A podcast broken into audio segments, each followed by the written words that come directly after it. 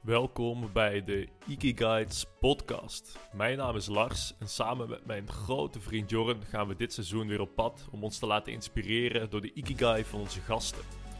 Mocht je de term Ikigai nog niet kennen, dit is een Japans concept dat staat voor datgene wat je drijft, wat je motiveert en wat je passie is. Kortom, het is de reden dat jij iedere ochtend weer met frisse energie opstaat.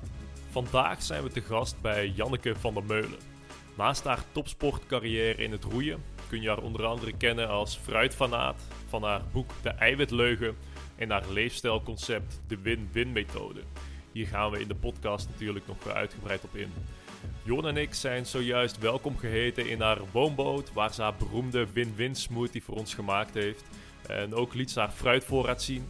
Nou, ik heb nog nooit zoveel bananen, avocado's, mango's en meloenen bij elkaar gezien. Groenteboer is er werkelijk niks bij.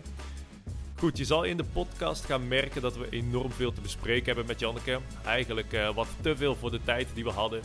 Dus uh, wij kijken al uit naar een 2.0. Maar eerst willen we je natuurlijk heel veel plezier gaan wensen met deze eerste fantastische ontmoeting met Janneke. Heel veel plezier en let's go! Nou, Janneke, welkom in onze camper. Dankjewel. Enorm bedankt uh, voor de uitnodiging. We staan hier prachtig aan het water.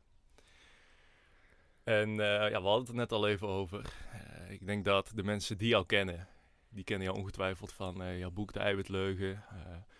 van het feit dat jij bakken met fruit verslindt.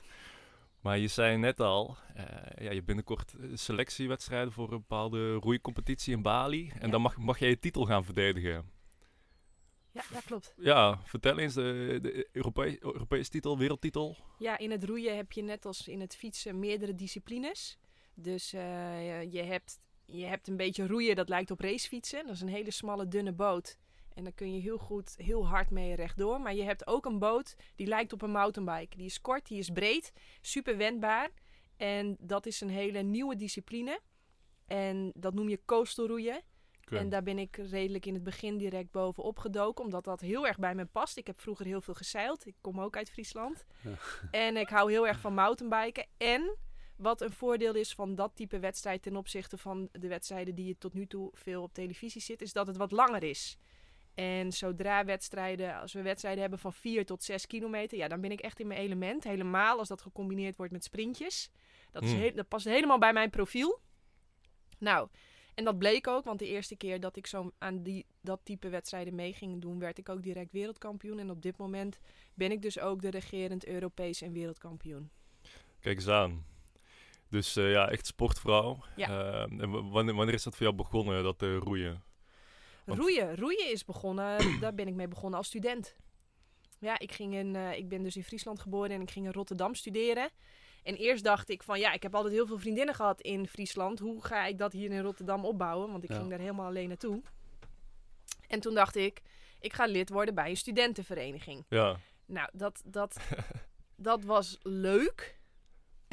ja, hoe moet ik dat nou even netjes zeggen? Dat was leuk, Hoe, maar... hoeft niet per se netjes op onze podcast. Oh, oké, okay, oké. Okay. gewoon je eigen woorden gebruiken. ik mag mijn eigen woorden gebruiken. Ja, maar ik ben juist mezelf aan het trainen dat ik wat... Dat ik wat netter praat, wat meer nuance gebruik. want ik, ik kan gewoon net alsof ik in de kroeg zit. Uh. Ja. Ja, da da daarvoor wel een vraag voor je. Daarvoor zijn we juist afgereisd ja. naar, uh, okay. naar Vinkenveen hier. Ja. Nou ja, in ieder geval. Um, toen, wij kochten in Rotterdam uh, zelf een huis. Om de simpele reden dat ik tegen mijn pa zei van... ja, we kunnen wel iedere maand een kamer gaan huren... en heel veel geld over de bank, balk gooien. We kunnen ook zelf een huis kopen, een groot huis. Ik weet dat jij handig bent. Dan verbouwen we dat zo dat, we, dat ik zelf natuurlijk de grootste en de mooiste kamer heb... maar dat we ook nog hele grote mooie kamers aan andere mensen kunnen verhuren. Nou, mijn pa is ook uh, ondernemer... Dus uh, die vond het direct een goed idee. Hij zei: kies maar een mooi huis uit. Dit is je budget. Dus dat heb ik gedaan. Grote, grote vierkante schoenendoos uitgekozen. Nou, en toen had ik dus drie kamers over die ik ging verhuren. Nou, destijds had je Kamernet. En ik plaatste ja. daar een advertentie. En daar kwam een gast binnenlopen die ging solliciteren voor die kamer. Ik zo, Goedemiddag. Wie ben jij en wat doe jij? Ja, nou, hij was eh, bijna 2 meter, dik 100 kilo en Zo. hij roeide. Ik zeg, zo, zien al die roeiers er zo uit? ja, hij zegt, het is wel een normale type, hè, dit, dit is wel handig voor roeien. Ik denk, nou, daar moet ik naartoe. Ja, precies. Dat ah, sprak dus mij heel manier, erg eh, aan. Hij was één brok spier, of? Eén brok spier, Ja. gewoon ongelooflijke, grote, sterke gast. Ja, ik was echt van, nou ja, mag hier wel komen wonen, weet je wel. Dan heb ik direct mijn bodyguard. Ja. Dus dat was helemaal super. Dus ik ben naar die roeivereniging gegaan. En ze waren eigenlijk al met het seizoen begonnen. Maar ehm, ja, ik hou gewoon mijn hele leven al van keihard trainen. Als er hard wordt getraind, het gaat echt hard, dan ben ik in mijn element. Dat vind ik mooi. Ja, precies. Ik hou, ik hou van zweet, ik hou van afzien, ik hou van lijden, ik hou van competitie. En in dat roeien vond ik dat helemaal terug. Roeien is de zwaarste sport die er is. Ze hebben bij de BBC, dat is wel leuk, is een leuke documentaire. Dan gaan ze allemaal sporters uit verschillende disciplines, die gaan ze op 101 manieren gaan ze die testen. Nou, de roeiers komen daar echt by far op alle onderdelen het beste uit. Ze zijn het meest lenig, ze zijn het sterkst, ze hebben de allerbeste condities. Ze zijn, eh, en dat is natuurlijk ook logisch, want je gebruikt letterlijk van je kleine teen tot aan je vingertop. Alle spieren daartussenin moet je, die moet je, ja, je hebt hele beheerste kracht nodig. Omdat ik, wat ik net al zei, je zit in een bootje van 14 kilo, wat echt zo breed is als een luciferprikketje. Dus je moet als grote sterke gast, of als vrouw natuurlijk ook, je moet en ongelooflijk diep kunnen gaan. Want je bent de hele tijd, je maakt ongeveer 40 squats per minuut met heel veel kilo's in je handen. Ja, zo heb ik er nooit naar gekeken. Nee, dat is zo ongelooflijk zwaar. En de, de grootste verzuring zien we ook bij roeiers. Die kunnen niet normaal bizar verzuren en dan nog steeds heel veel power leveren. Ja, ik, dat, en dat, dat- dus ja, weet je, roeien is voor mij echt net als mountainbiken. Dat vind ik ook fantastisch. Ja. En eh, ja, daar kan ik helemaal mijn ei in kwijt. Dus dat was echt liefde op het eerste gezicht. Ik vond het direct fantastisch. En ehm, ja, op, ja ik, ik, het harde trainen, het, het, het op het water zijn, de vrijheid. Maar ook die ultieme ontspanning. Je moet voor roeien moet je helemaal in het nu zijn en helemaal ontspannen zijn. En tegelijkertijd berensterk. Ja. Ja, dat, die, die, die combinatie die vind ik echt ultiem. Maar ontspannen zijn in de zin van je overgeven aan het kapot gaan? Of wat bedoel je daar precies mee? als jij tens in de boot zit, dan hou je eigenlijk die boot vast. Terwijl je moet die boot kunnen loslaten, zodat die keihard vooruit gaat. Ah, op die manier. Dus je moet heel sterk zijn, maar tegelijkertijd moet je helemaal ontspannen zijn en in balans. Als jij Ja. dan, want anders slaat hij om. Ja, het is echt heel mooi. En die obsessie voor kapot gaan, echt doodgaan, is dat iets wat uit de jeugd komt, wat je, wat je als kind ook had? Of is dat, is, is dat een psychologisch iets? Wat je, Nou, wat er gebeurt, dat, en dat merk ik bij mountainbiken, dat merk, merk ik bij trailrunnen, dat merk ik bij roeien. Het, het, en bergbeklimmen kan dat bijvoorbeeld ook. Jullie kennen natuurlijk ook eh, de Iceman, Wim Hof. Die verloor op jonge leeftijd zijn vrouw. Toen bleef hij achter met eh, vier kinderen. Vier, vijf, vier. In ieder geval, die had natuurlijk heavy troubles, om het maar even zo te zeggen. Dat zijn Ja. vrouw was overleden. En wat ging hij doen? Hij ging zonder touwen tegen hele steile rotsen opklimmen. Levensgevaarlijk. Maar hij zei, dat is voor mij de enige manier om die stem in mijn kop Hmm. eindelijk tot rust te krijgen. Dit is zo gevaarlijk, want eh, ja, ik ben, dat is het voor mij de manier om in het nu te komen. En toen dacht ik, oh, wat ben ik blij dat ik gewoon roeien heb ontdekt.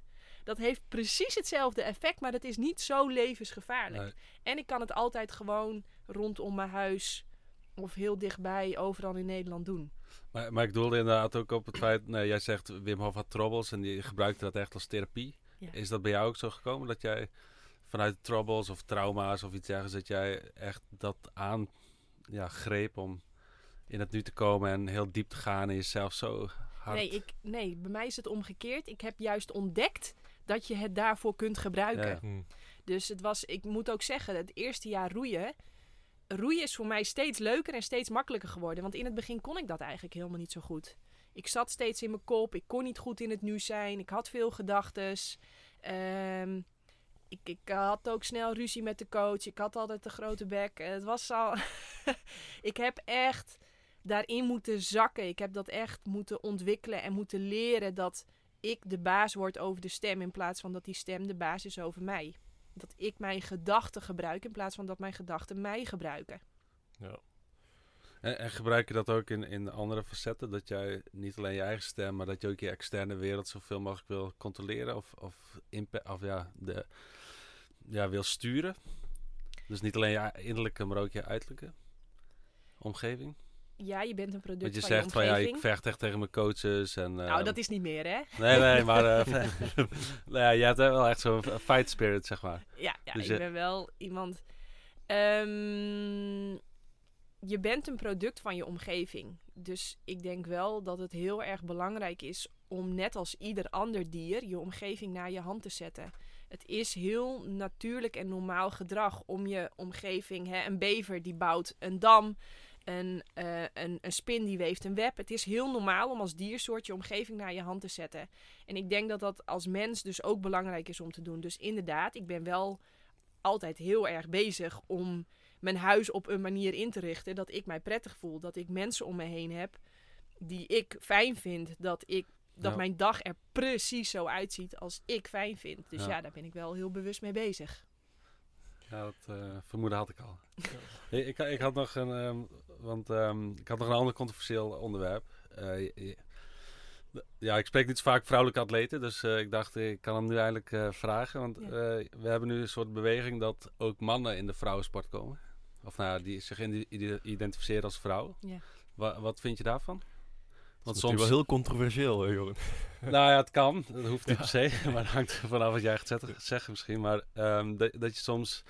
Ja, ehm, ja, eigenlijk mannen die dan in de vrouwensport komen... en dan ehm, ook op het podium komen. Omdat ze eigenlijk een voorsprong hebben in spierkracht, et cetera. Ja. Als je dat in, in jouw roeisport zou zien... hoe zou je daar tegenover staan?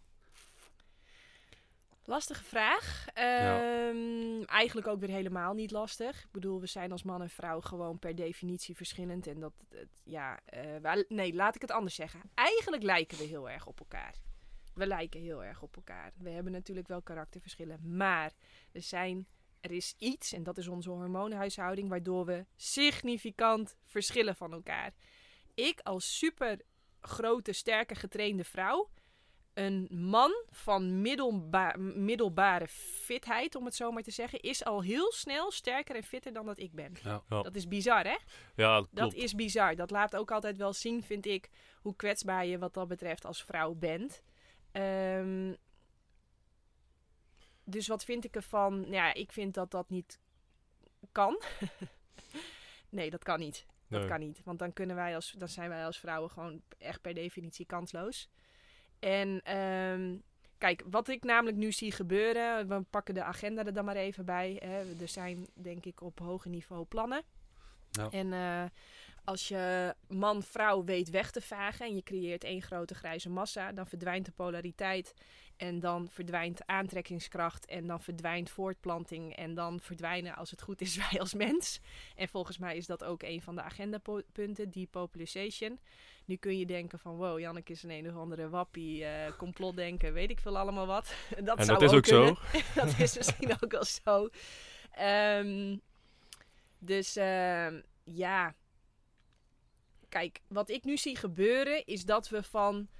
Dat we, dat we en dat, dat zie ik in. Op superveel terreinen terugkomen. We gaan 99% van de tijd praten over wat no- bij nog geen 1% van de gevallen voorkomt. Ja. Tuurlijk zijn er mensen die het gevoel hebben dat ze in een verkeerd lichaam zijn geboren. En dat, dat, als dat zo is, alle respect, vind je weg, vind je...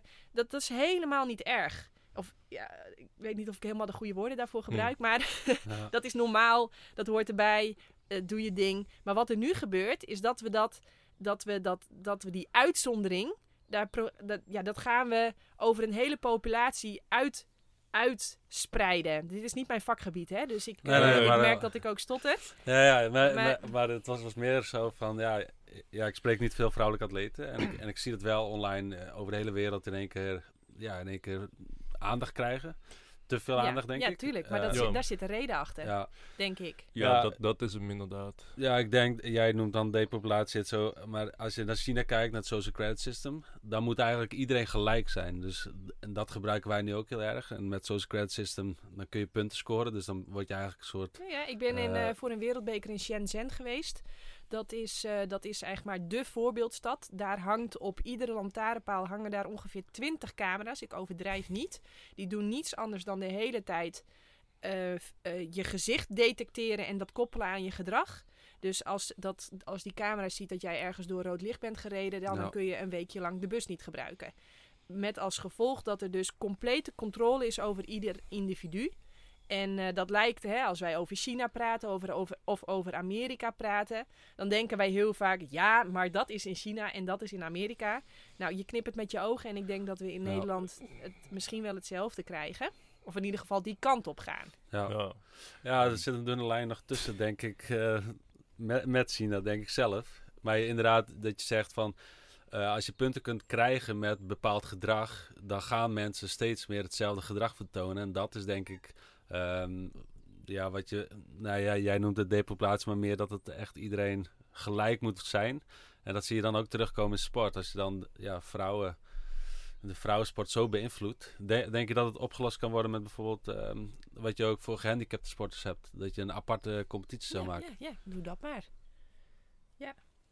Ja, en dan echt Ja. één aparte competitie. Want er zijn natuurlijk ook... Dat, dat, is, dat is wat mij ja, maar dan heb je, dan heb je in het, eh in het para-roeien, zoals wij dat dan noemen. Dat, is, dat is, vindt op hetzelfde toernooi plaats. En dan krijg je een hele puntenscore. Van mis jij één been of mis jij Ja. twee benen of mis jij één arm of twee armen? Ben je doof, ben je blind? Weet ik, ik heb daar geen verstand van.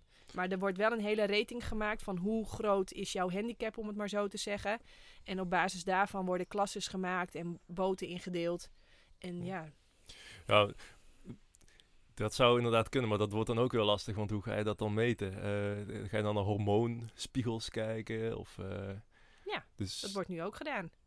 Als jouw hormoonspiegels buiten bepaalde waarden liggen en we zien dat die van niet-natuurlijke eh, eh, herkomst zijn, ja, dan eh, word je of van doping ver- ver- verdacht Ja. en dan mag je niet meedoen. Ja, ja. Oké. Ja, ik ben benieuwd hoe zich dat gaat ontwikkelen. Want eh, ik, hoor inderdaad, in Amerika weet ik dat dat echt al uit de hand loopt. Zoals Amerika vaak eh, een paar jaar voorloopt op, eh, op andere delen van, van de wereld. Maar hier in Nederland speelt dat ook echt al, dat soort pro- problematiek, in de, in de roeisport bijvoorbeeld. Ik weet dat, het in, eh, dat we bij het wielrennen een. Een hoe- eh, ik zit naar woorden te zoeken. Hoe zeg ik dat netjes? Maar iemand die als man geboren is, die nu als vrouw door het leven gaat. En die mag dan soms buiten mededinging wel gewoon meedoen. Ja, ja. Eh, maar ja, dat is ook al lastig, weet je wel. Want die kan je 40 kilometer lang op kop laten fietsen. En de ploeggenoten die kunnen Ja. daar lekker uit de wind bij zitten. Dus dat, het is super lastig, moeilijk onderwerp. Ik heb er geen verstand van. Nee. Ik verdiep me er ook niet echt in. Nee, maar ik denk dat het Ehm. gevaarlijkste is, eh, want jij zegt, ja, ik begin al bijna te stotteren over het onderwerp, dat, dat het gevaar erin is, is zit dat je inderdaad ook snel gecanceld wordt, omdat, ja, als je daar iets van vindt of iets zegt. En Ja. ja, als alle vrouwelijke atleten daar niks over gaan zeggen, omdat ze anders misschien andere publiciteit krijgen, et cetera. Ja, dat is een hele gevaarlijke positie voor ja, die... maar denk aan 2000, eh, 2019 werd ik eh, tweede en derde op het wereldkampioenschap coasterroeien. Toen in 2020 werd het gecanceld in verband met, eh, nou laten we het de pandemie noemen. Ja. Een 2000 tr- triggerwoord. 2021 eh, ging het wel door, maar onder hele strenge eh, eisen. We moesten de hele dag een mondkapje dragen en we moesten gevaccineerd zijn en weet ik veel allemaal wat. Toen heb ik ook mijn poot stijf gehouden en gezegd van ja, onder deze voorwaarden doe ik niet mee. Ik bedoel, eh, dat, dat zou hetzelfde zijn als zeggen van, nou oh jeetje, dit is ook al lastig. Nou ja, ik wil me gewoon geen bloed aan mijn vingers. Hmm. Ik doe daar niet aan mee aan die praktijken, want ik vind als je daar wel mee instemt, ben je medeplichtig. En dan moet ik later tegen mijn kinderen en kleinkinderen gaan zeggen van ja, ja, ja, ik wist wat er speelde, maar eh, ja, ik wilde zo graag nog een medaille. Dus ik heb mijn poot stijf gehouden. Maar wat denk je? Dat er één iemand is geweest die dat heeft opgemerkt of daarna heeft gevraagd of dat... Weet je, de show gaat gewoon door. Ja. Eh, al die roeiers, het interesseert zich geen reet. Ze laten zich gewoon vaccineren. Ze dragen een hele dag een mondkapje als dat moet.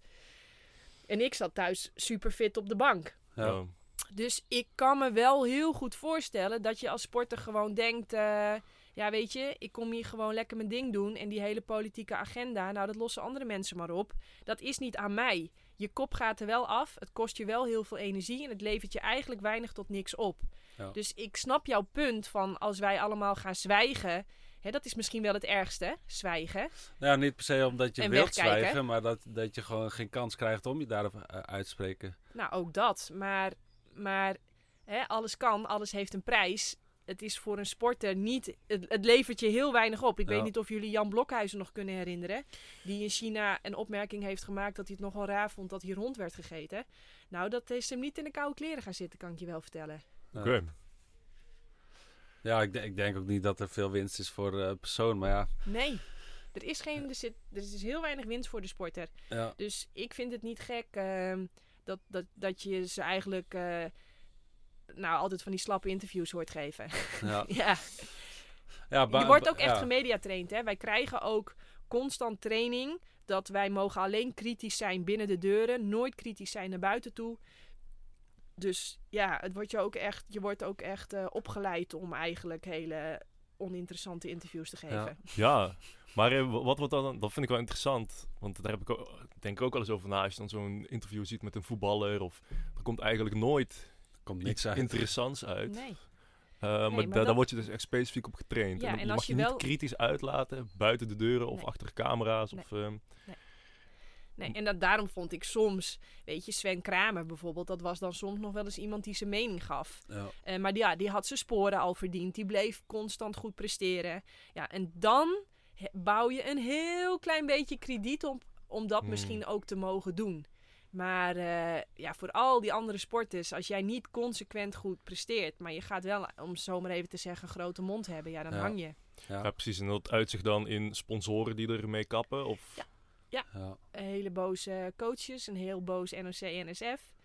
Heel eh, regelmatig op het strafbankje komen. Dat kost zoveel energie. Dat, Hmm. dat, dat is zonde als Kan topsporter. je er niet zie bij je al- je ziet dan al hoe dicht wij bij dat China-model zitten. Want al die sporters worden zeg Ja. maar gelijk gemaakt. Weet je hoeveel censuur er plaatsvindt? Ja, Ik bedoel, hoeveel mensen zijn er de, van YouTube, LinkedIn, weet ik veel, allemaal wat afgegooid? Ik zie dat ook als ik me kritisch uit of ik helemaal niet eens hele schokkende berichten deel. Hoeveel trollen ik dan al over me heen krijg die zowel mij als de inhoud gaan proberen zwart te maken. ja. Want hoe ga je met social media om? Want eh, ja, je behandelt natuurlijk eh, onderwerpen die altijd eh, discussies opleveren. Eh, hoe ga je met social media om als je ook heel veel negatieve... En, en altijd op de man spelen. En al- het is Nou, op de man spelen, daar doe ik niks mee. Nee, maar, nee, maar, Maar dat ze als- bij jou komen, zeg maar. Ik probeer gewoon altijd te kijken van, zit er nog iets waardevols tussen de modder, zeg maar? Ja. Ja, dus je kijkt er wel naar. Je, je, je checkt wel comments op je posts. Mm, En, Niet altijd. Ehm, soms denk ik ook eh, te veel, te... Ja, weet ik. Ja, ik, ben ook, ik zit ook in een bepaalde flow. Het kost Mm. tijd, het kost energie. Ja. Ehm, maar ik probeer wel altijd met de bril op van, kan ik er iets van leren? Ehm, ik vind ook dat in sommige podcasts doe ik net alsof ik in de kroeg zit. en dan ben ik ook, zou ik ook wel iets genuanceerder kunnen zijn in mijn uitspraken. Ja, dat klopt. Maar je moet je voorstellen, ik heb, hele, ik heb mooie boeken geschreven. Daar heb ik heel veel tijd, geld en energie in gestopt. En dan denk ik ook wel eens van, ja jongens, ik heb dat allemaal super netjes, puntje voor puntje uitgelegd in dat boek. Hm. Eh, dus dan wil ik ook graag gewoon even hopplakee, ja, daar even snel iets over zeggen en dan ook weer door. Zo van, ja, het staat daar allemaal heel goed uitgelegd. Maar wat ik doe, ik probeer gewoon altijd wel te kijken van, kan ik er iets van leren? Zit er een kern van waarheid in? En dat neem ik mee. En verder, eh, ik, ik ben ermee gestopt om mezelf te identificeren met wie ik ben, wat ik doe en wat ik presteer, wat ik denk en wat ik schrijf. Dus ik neem het gelukkig niet meer persoonlijk. Ja, wat, wat heb je daar tips voor voor mensen? Want ik denk, eh, je hebt een groep die, die pleuren alles online, maar er zijn een hele grote groep die, die durven eigenlijk niks te posten of te zeggen of überhaupt een selfie van zichzelf te posten, omdat ze altijd wel een reactie krijgen. Ook al zijn ze 99% eh, positief, 1% negatief, dan weerhoudt ze dat toch om zichzelf te laten zien. Ja, klopt. En dat vind ik wel echt zonde, want er gaat zoveel verloren eigenlijk. Ja, klopt. Je hebt helemaal gelijk. Ja, ik omschrijf het altijd zo. Je, je hebt eigenlijk, eh, het hele leven is een keuze. Ook eh, met dit onderwerp heb je eigenlijk twee keuzes. Eh, je kunt voorop gaan lopen, maar iedere keuze heeft wel een prijs. Hm. Ga je voorop lopen, ehm, dat is echt leuk. Want als jij echt bent wie jij bent en echt gaat zeggen wat je vindt en echt gaat delen wat je vindt en echt gaat doen wat jij, wat jij echt leuk vindt, hè, dan word je heel echt. En dan komen er ook hele echte mensen op je pad. Ja. Ja. En dat is ontzettend leuk. Dit, dit, dit is exact de ikigai die je nou omschrijft eigenlijk. Hè? Ik weet niet of je bekend bent met die term. Nou, daar komt ikigaits van. Dat is Ja. dus ehm, ja, de reden dat je 's ochtends opstaat. eh, wat je drijft, wat je motiveert. Eigenlijk je, je levenspad. En als je echt op het pad loopt waar je voor gemaakt bent, dan, eh, ja, dan heeft alles de neiging om naar je toe te komen. Absoluut. Eh, ja, Absoluut. Maar ook omdat je specifiek uitspreekt over topics waar mensen of, nou, of, of het niet mee eens zijn, maar ook vooral wel van wow, zo denk ik er ook over. Eh, dat, ze, ja. ja, dat ze zich kunnen identificeren met wat jij denkt en dus misschien zelf niet durven uitspreken, maar dat jij het wel doet en dat je daardoor juist die mensen ook bij jou komen. En als jij niet eh, laat zien waar je, eh, ja, wie je bent, of waar je over praat, of wat je interessant vindt, of hoe je er na- naar kijkt, dan komen die mensen ook niet omdat ze niet weten wie jij bent eigenlijk. Precies. Als jij niet echt gaat delen wat je vindt en niet echt gaat zeggen wat je vindt, ja, hoe moet ik dan weten ja, wie jij bent en wat jij vindt?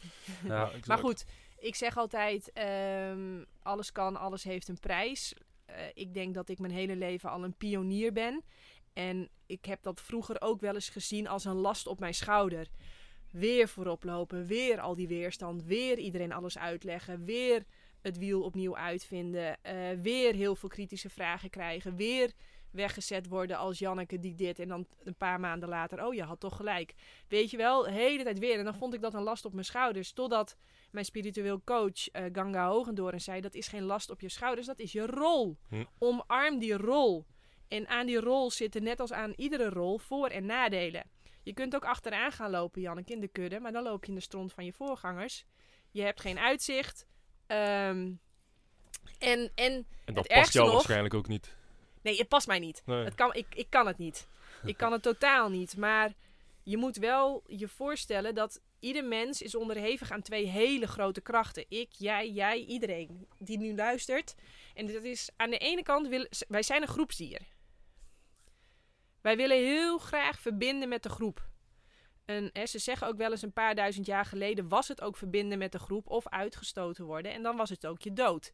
En ik, die, die uit die groep gegooid worden, dat kan ook echt heel dicht bij doodsangst komen. Ja. Maar aan de andere kant heb, heeft ieder mens in ons, jij, ik, jij die nu luistert, het verlangen om echt te zijn wie jij echt bent. Ja.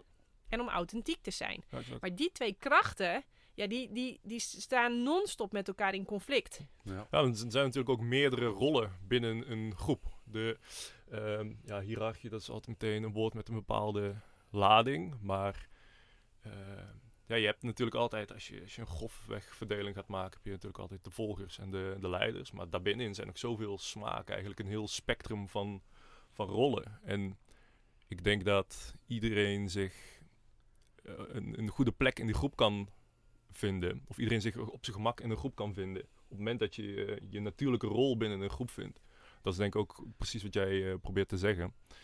Ehm, ja, en ik merk dat we hier al, eh, we hebben het topic Ikigai al behandeld. En we, hebben, we raken al aan spirituele topics, meer persoonlijke ontwikkeling. Wat, ik mooi vond, wat je net ook noemde, met betrekking tot ja, hoe ga je met social media om. Dat je ja, niet identificeert of niet probeert te identificeren met wat je post, wat je schrijft en de comments die je krijgt.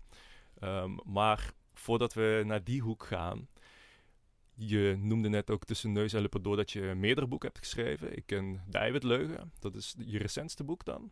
Ja. Eh, maar je hebt er dus nog meer geschreven. Ja. Zou je daar wat titels van kunnen noemen? Waar gaat het over? Ik wil de titels wel noemen, maar ik ga je direct al teleurstellen. We hebben beide boeken twee keer gedrukt.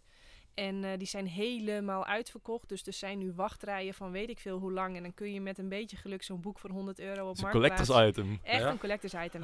En dat is zo grappig, want ik heb altijd gezegd... koop nou voor een paar tientjes zo'n boek. Ja. Want het wordt een collectors item. Nou, dan werd ik natuurlijk altijd keihard uitgelachen.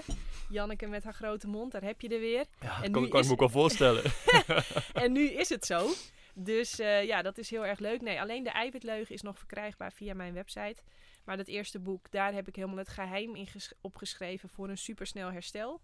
Omdat ik denk dat wie het snelst herstelt, die is uiteindelijk de winnaar. In werk, in sport, Hm. in het voeren van een business. Een tweede boek is Eet Win Win. Wetenschappelijk onderbouwd. Het eerste boek had ik helemaal uit de losse pols geschreven. Toen kreeg ik heel veel vragen zo van, ja, het klinkt echt fantastisch. En je schrijft zo leuk en je schrijft zo goed. En het voelt ook echt heel goed. Maar je bent wel een beetje de enige roepende in de woestijn. Dus waar baseer je dit allemaal op? Ja. Nou, en die, die achtergrond die had ik. Ik heb twee ehm, masters afgerond aan de Erasmus Universiteit. ah, kijk. En het belangrijkste wat ik daar heb geleerd, is hoe je de bewijskracht van verschillende onderzoeksmethoden beoordeelt. Kom je er ook direct achter dat 95% van de onderzoeken helemaal crap is. Maar goed, dat is zijde. Ja, zeker in deze niche. 85% van de onderzoeken is niet repliceerbaar.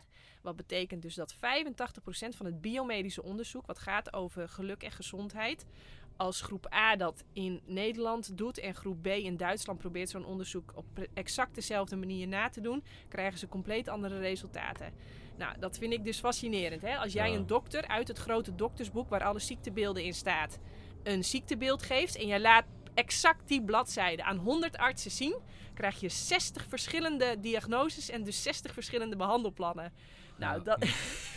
en dan zijn er nog steeds mensen die blind vertrouwen op hun huisarts of Ja. op de dokter. Ja, ja, ik dus no way. Echt no way. Ik vertrouw gewoon... Hè, mensen zeggen wel, "Wa- Janneke, waar geloof jij dan in? Ja, ik geloof gewoon in mezelf. Het klinkt heel arrogant, maar ja, ja dat, is, eh, dat is waar ik in geloof. En, ehm, maar goed, er is dus een heel klein deel van onderzoek. En dat heeft, dat weet iedere wetenschapper, dat heeft iets meer bewijskracht. Dat wil niet zeggen dat het waarheid is. Maar die, dat is wel het onderzoek wat waarschijnlijk het beste richting de waarheid wijst. Nou, en wat heb ik gedaan? Ik heb al die onderzoeken op het gebied van geluk en gezondheid allemaal op een rijtje gezet. Wat komt daar nou al 130 jaar lang consequent in naar voren als het optimale recept eigenlijk voor een vrolijk, gezond en gelukkig leven? En tot welke conclusie kwam jij? Nou, Nou, dat, ja, we hebben het nou over de win-win methode. Want dat, dat is iets, daar was ik wel benieuwd naar. Want die heb ik dus ook voorbij horen komen. Eh, denk ik hier op jouw Instagram of zo. Maar daar heb je dus daadwerkelijk een boek over geschreven. En maar dat vind je allemaal in de eiwitleugen. Dat vind je ook in de eiwitleugen, ja. Ja. Ja, want wa- wat ik daar eh, het opvallende aan vind, en dat is ook... Nou ja, eh, we hebben mensen natuurlijk laten weten dat we die podcast met jou op zouden gaan nemen. En ik weet dat je vorige week of twee weken geleden heb je ook, ben je in gesprek geweest met eh, Thomas van Your Health Concept. Ja. Dat is dan iemand die meer voor de carnivore manier van eten staat. Nou, je bent- staat natuurlijk bekend als de, de, de, de, de fruit queen, wil ik haast zeggen. Ehm, dus ja, dat, dat, ik heb het idee dat mensen dat ook van ons verwachten. Dat er dan zo'n clash komt tussen deze manier van eten of die manier van eten. Maar dat is iets waar wij eigenlijk totaal niet in geïnteresseerd zijn. Ehm, ja, enerzijds omdat wij niet denken dat wij de waarheid in pacht hebben. Of dat iemand de waarheid in pacht heeft. Nou, dat raakt meteen super mooi aan hetgene wat jij net omschreef. Van, ja, we doen hier, zeker in het Westen, alles ehm, op basis van de moderne wetenschap. Maar zeker in deze hoek, eh, als je kijkt naar voeding, als je kijkt naar leefstijl, als je kijkt naar geluk. Ja, die, die, die wetenschap is ook niet altijd sluitend. Of sterker nog, Nee, heel, heel vaak niet. Dus Nee, heel vaak niet. Maar dat wil niet zeggen dat er wel, denk ik, drie dingen consequent al 130 jaar lang naar voren komen. En dat is als we op het gebied van voeding all over the world kijken, zien we drie dingen. Echt iedere serieuze wetenschapper die onafhankelijk te werk gaat en die zich baseert op onderzoeksmethoden met veel bewijskracht, zien we dat mensen die zich voornamelijk voeden met fruit en planten, die zijn altijd veel gezonder, worden later ziek en worden vrolijker oud een hele grote groep. Hoe meer dierlijke producten en hoe meer junkfood, hoe sneller je dik, ziek en ongelukkig zult, Hm. zult worden. En dan het derde punt: het maakt niet uit hoe jij je fruit en groente consumeert. Dus doe dat lekker op een manier die bij jou past. Die bij het seizoen past, die bij jouw land past, die bij jouw cultuur past, die bij jouw smaak past. Nou, en als je dat een beetje in je achterhoofd houdt, die drie regels. Eet zoveel mogelijk fruit en groente en doe dat lekker op je eigen manier. Mhm. En blijf zo ver mogelijk weg bij dierlijke producten en junkfood. Ja, volgens mij staat dat als een paal boven water. Ja, n- dit, dit, dit, dit lijkt me ook wel common sense. Ehm, en dan zijn er nog wel nuances waar je over kan discussiëren. Ehm, maar ja, waar ik dus op terug wilde komen, eh, die eiwitleugen, dat is natuurlijk een hele duidelijke, sprekende titel. Misschien zelfs wel een beetje bold. Maar volgens mij gaat dat boek niet alleen over voeding. Niet alleen over eten, maar er zit er nog een heel spectrum ja, van ja. gezondheid en leefstijl overheen. Ja, maar dat We- is alleen, dat, dat, dat, dat cadeautje, dat is alleen voor mensen die een boek niet beoordelen op de, op, op de voorkant. Ja, die de, die de stap durven nemen. Die de en- stap durven nemen, die maar- de investering durven maken, ja, die worden beloond met, met wat er nog veel meer in staat. Ja, precies. Maar wat, wat zijn dan andere eh, cruciale topics die jij daarin bespreekt Ja. rondom leefstijl? Hè? Ja, ja. Nou, ik wilde vroeger als kind rechercheur worden. Ik weet niet of jullie misschien ook wel eens naar de kok met COCK keken, maar wij, jij, wij, Ja, wij zijn van zeggen, dezelfde is- generatie. ja. Denk ik voor mijn eh, tijd. Ja, dat is Ja. wel jouw Toen tijd. speelde ik nog met de Lego, Lego steentjes, Ja. blokken. Ja, precies. En eh, ik vond dat moment altijd fascinerend dat hij in de kroeg zat en dat hij dan feiten ging combineren met zijn onderbuikgevoel. En dan Hm. pats, dan had hij de, dan had hij de dader en dan, ja, dan loste hij de zaak op. En dan dacht ik altijd, dat wil ik ook. Nou, ik ben ook van nature super nieuwsgierig. Ik zoek altijd alles uit tot de bodem en nog verder. En wat ik heel erg fascinerend vind, is als ik om me heen kijk, dan, dan en ik, en, ik, en ik doe eventjes de wereld in hokjes verdelen, dan zie ik de topsporter. Die is vaak fysiek wel heel gezond en de meesten hebben het mentaal, zeker als ze binnen dat systeem blijven, ook wel aardig op, op orde. Maar als we dan gaan kijken of ze financieel gezond zijn, dat is maar aan een paar, voor een paar weggelegd. Ja. De meeste mensen, meeste topsporters hebben gewoon geen knaken. Als je dan naar hun relaties kijkt, dat is ook vaak eh waardeloos om maar zo te kijken. Spreek je uit eigen ervaring nu, eh, Janneke? Nee, nee, ik heb altijd hele leuke, duurzame, mooie relaties gehad. Maar, ehm, hè, dus dan zie je dat ze op een bepaald front in hun leven zijn ze wel heel erg goed. Maar er zijn ook bepaalde aspecten in het leven waar ze dan niet zo goed op eh, presteren. Nou, als we dan hier kijken waar wij nu zitten. Hè, wij zitten hier aan de Vinkenveense Plassen. Hier staan de duurste huizen van Nederland. Ja, we zagen Ja, het. Ja. ja. Zo. Ja. Een paar lekkere, lekkere Ja. pandjes. Ja, ja.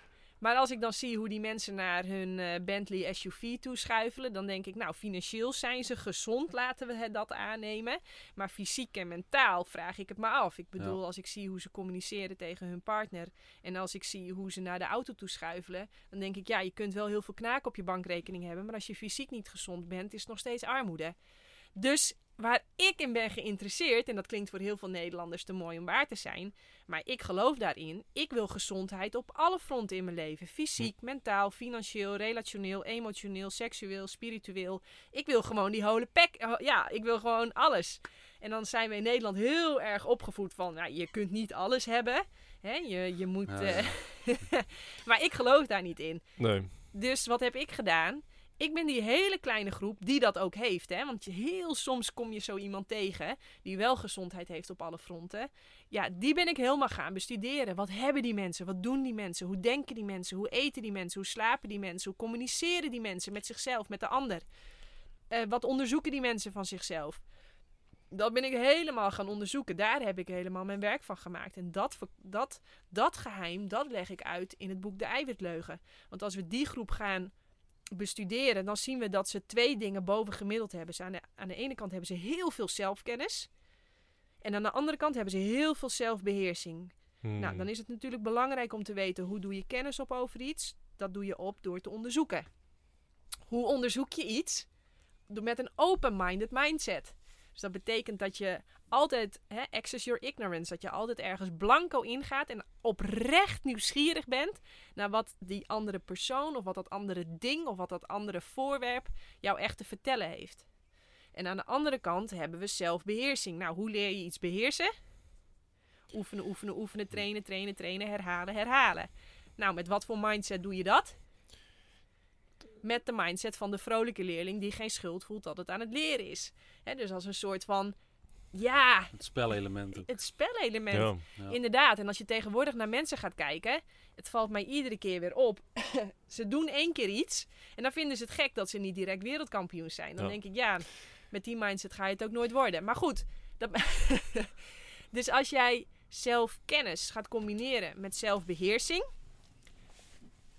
En dan moet je natuurlijk wel weten, oké, wat moet ik dan van mezelf allemaal onderzoeken? En waar moet ik van mezelf allemaal kennis over hebben?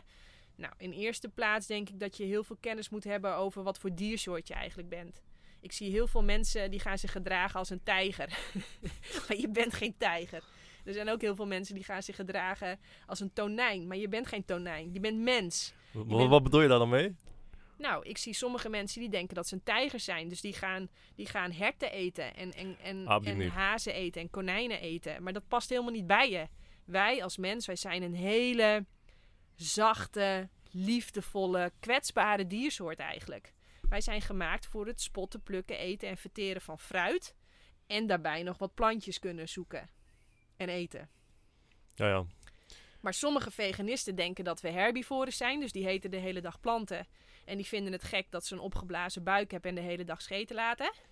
Ja, zonder dat ze fruit eten, bedoel je? Omdat dus en- ze enkel, heel enkel veel groenten. planten eten. Ja, ja. En er zijn ook heel veel veganisten die denken eh, dat wij eh, bonen- en graneneters zijn. Ja, dat denk ik ook niet. Daar heb ik zelf ook slechte ervaring mee. ja. Een echte graneneter heeft ook een krop. Hè, denk aan een fazant bijvoorbeeld, die eet heel veel granen. In die krop worden die granen dan gefermenteerd. En dan zijn ze uiteindelijk geschikt om, eh, om energie uit te halen. Dus ja, ik denk dat je voor optimaal presteren en voor gezondheid op alle fronten in je leven, zodat je voldoening ervaart, vervulling ervaart, echt, echt zin hebt in je dag, dat de energie over de randen heen klotst, omdat je, hè, dus zodat je ontvangen kunt ontvangen, genieten, doorgeven. Hè, want dat is uiteindelijk de kunst van het leven. Doorgeven, doorgeven. Hè, dus, dus dat je echt kunt leven op de toppen van je kunnen. Dat het dus heel belangrijk is om onderzoek te doen naar wat voor diersoort ben ik nou eigenlijk. Hm. Nou, daar gaat eigenlijk het eerste deel van de eiwitleugen over. Ja, dat is dus ook met name gerelateerd aan het stukje voeding. Dus ehm, ja, maar als diersoort hoef je niet, ben je niet de hele dag alleen maar met eten bezig. Je hebt ook te maken met slaap, ja, exact. beweging. Nou, dat, dat, dat stukje, nee, da- daar gaat dat over. Maar daar, daar zie ik het voor zoveel mensen al zo ongelooflijk misgaan. Ja. Dat eh, ze weten niet waar onze tanden en onze handen voor zijn gemaakt. Ze weten niet wat voor zuren wij in onze maag hebben. Ze weten niet wat voor enzymen wij in onze mond hebben. Ze weten niet hoe de structuur en de vorm en de lengte van onze darmen zijn. Dat weten ze al helemaal niet. Maar Dus, maakt eh, dat wetenschap ook niet super moeilijk dan? Want jij noemt dan al die onderwerpen ehm, die invloed hebben op je gezondheid. Dus als je puur eh, wetenschap, dan moet je iets kunnen aantonen. Maar stel je hebt persoon A en persoon B. En de, de ene is super gelukkig, heeft uh, zijn ikigai, zijn betekenis in het leven, heeft een super sociaal netwerk. En eh, ik heb wel eens onderzoek gelezen over iemand, of nou, die ging eens testen, die dan eh, na het werk gestrest eh, door de McDrive ging en, in zijn eentje snel naar, binnen werkte. Of een groep die binnen met zijn vrienden dezelfde McDonald's rotzooi zat te eten. Dat het een andere werking had op het lichaam. Is het dan ook eigenlijk onmogelijk om echt dat aan te tonen? Omdat het per persoon... Stel, um, nou ja, uh, je connectie met de zon, met, met, al die onderwerpen, microbioom, die invloed hebben hoe je eten verwerkt, hoe ja. je uh, invloed op, op je Ja, epigenetische gestel. Is het dan eigenlijk wel je- mogelijk om überhaupt ja, dat zeker. eh, Daar, zo... kun je voor mogen, daar kun je statistisch voor corrigeren, zoals je dat dan noemt. En dan kun je uiteindelijk kijken, hè, dan ga je al die andere filters, die ga je weghalen. Hè, denk aan eh, plezier op het werk, goede relatie, goede microbioom. Hè, dat kun je dan allemaal ja, statistisch voor corrigeren. En dan kun je uiteindelijk echt kijken van... En dat is, maar dat leg ik ook in het boek helemaal Ja. uit. Hm. Ja. Hey, en, Maar dat eh, neemt niet weg dat onderzoek doen naar geluk en gezondheid, dat dat een jonge wetenschap is en dat we te maken Ja. hebben met honderd haken en ogen. Dat Ja. klopt. Dat klopt. En dat leg ik ook uit. Ja, ik, ik bedoel ook meer... is- Ja, eh, Wat jij volgens mij bedoelt te zeggen is dat niet alleen voeding van, belangrijk, van belang is. Er zijn nog honderd factoren die invloed hebben op hoe gelukkig en gezond jij bent. En Ja. dat klopt. maar met name ook omdat was bij het eerste punt. Ja. Het eerste punt was uitzoeken, hè, onderzoeken van, van zelfkennis. En dan is een aspect daarvan, wat voor diersoort ben ik? Maar er zijn nog heel veel andere dingen belangrijk. Wat ik ook altijd zeg is, hoe ben jij verwekt? Was dat eh, bewust? Was dat per ongeluk? Was dat... eh, eh, hè, er zijn heel veel verschillende manieren waarop jij gemaakt kunt zijn. met welke hoe- intentie bedoel je ook? En Ja, welke, ja, ja. welke energie daaromheen hing? Ja, absoluut. Want eh, ja, ik gebruik nu bewust het woord energie. Want we hadden het net over eh, wetenschap, statistische eh, corrigeren. Dat, dat, dat speelt zich allemaal af in de fysieke dimensie. Maar waar jij eigenlijk ook een beetje naartoe wilde is... Heel, heel de moderne wetenschap eh, krijgt moeilijk grip of inzicht Ja, ja, in heel dat energie, ja, energieke gebeuren. Terwijl dat juist zo doorslaggevend lijkt te zijn. Ehm, ik, ik heb steeds meer het idee dat je kan van alles doen met je dieet. Eh, het kan het, het, het, perfecte dieet voor jou zijn, maar je kan ook eh, bijvoorbeeld wel dan eh, twee of drie keer per week naar de McDonald's gaan. Maar als jij emotioneel, spiritueel, energetisch in balans bent, dan, nou, ja, dan is dat misschien een detail. Absoluut, absoluut. Ehm, ja, hoe, hoe kijk je daar tegenaan? Ja, dan ga ik in mijn vierde boek, heb ik daar echt, vind ik zelf, ik zou het boek eigenlijk wel willen verkopen alleen om dit hoofdstuk, wat jij nu zegt. Oké, Want inderdaad, de moderne wetenschap, die, ehm, wil heel, die, die kan echt ook ontzettend veel. Die Ja. kan bijna voor 99% ook een plant nabouwen. Maar die laatste procent, hè, Ja. dat lukt ze niet. nee, maar en dat, dat, is lijkt juist, klein, precies. dat maar is dat- alles. Nou, precies. Precies. Ja, dat vind ik zelf ook fascinerend. Dus daar een heel hoofdstuk over, precies over wat jij nu zegt. Want dat onzichtbare, hè, dat wat we niet kunnen pakken, niet kunnen zien, niet kunnen grijpen, niet kunnen verklaren.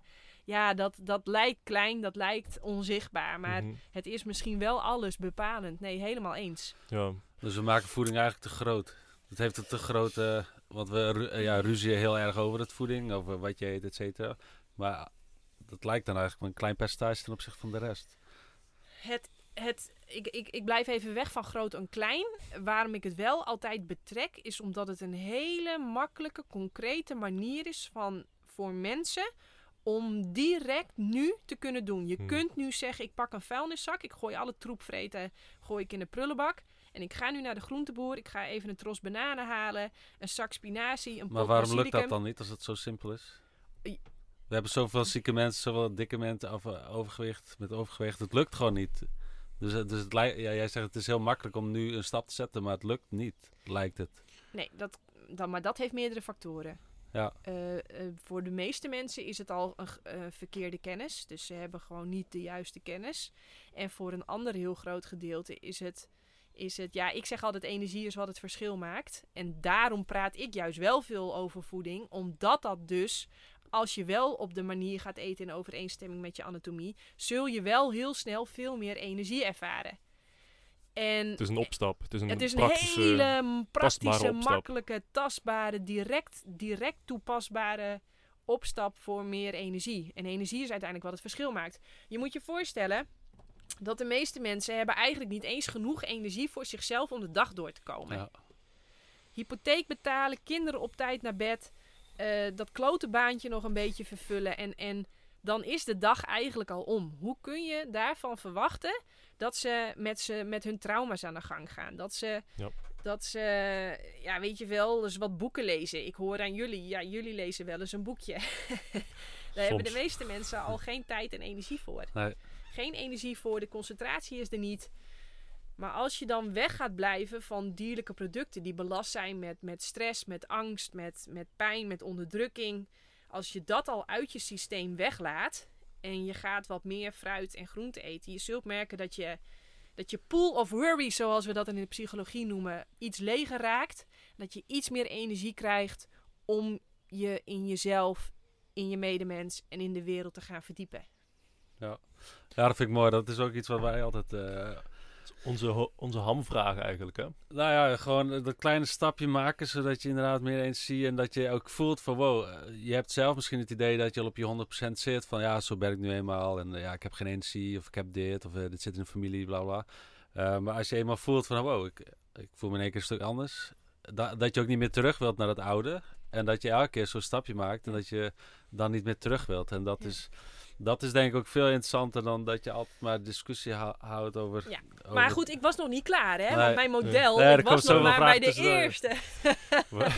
ik was nog maar bij zelfkennis en dan uitleggen wat voor diersoort je bent. Maar er zijn het, en en eh, hoe je verwekt bent. Dan is natuurlijk nog hoe wordt er gereageerd op het feit dat je eh, merkt bij jezelf dat je zwanger bent. Of t- hoe reageert de vader erop, de omgeving.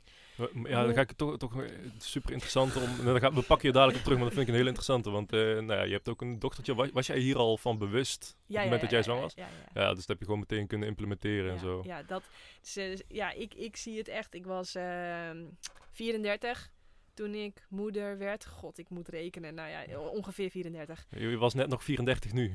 Nee, ik ben Oh, 36. Oh nee, 36, sorry, Ik mijn ben fout. 36. Het is net- twee geworden. Dat jij niet smoeite gestopt. Nee. En, eh, maar in ieder geval, laat ik het zo zeggen. Statistisch gezien ben ik een oude moeke. Ja, Ja. En ik vind dat zo ongelooflijk veel voordeel heeft op alle fronten. Ik bedoel, ja, weet je, ja, je, ik heb al zoveel meer geld, tijd en energie in mijn eigen ontwikkeling kunnen steken. Weet je, ik heb al zoveel meer troep kunnen opruimen.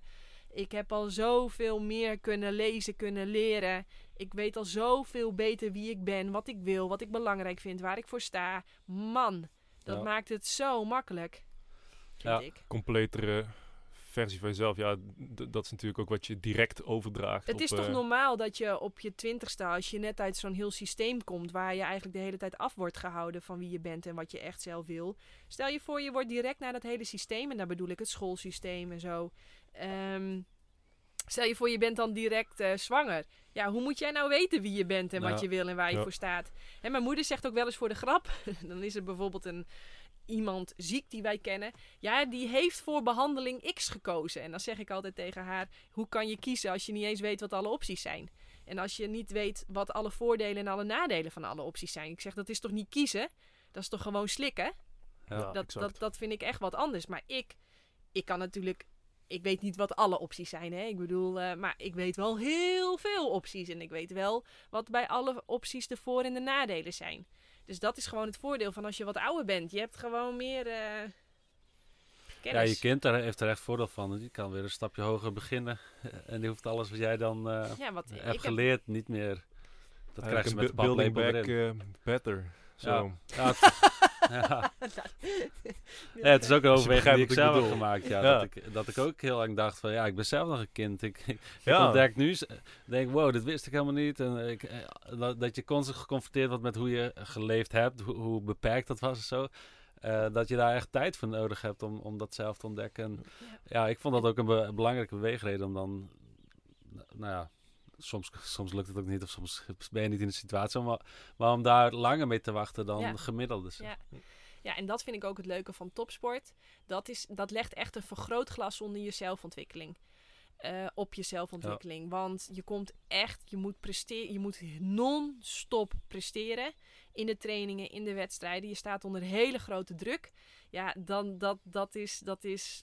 Als je dan niet met jezelf aan de slag gaat, ja, dan, dan, dan, dan kom je er niet. Ja, dat vind ik wel interessant. Want wat ik ook vaak het idee heb bij topsporters... is dat ze juist heel erg in een tunnelvisie leven. Eh, maar dat staat eigenlijk recht tegenover wat jij nu omschrijft. Hoe, ehm, hoe was dat voor jou?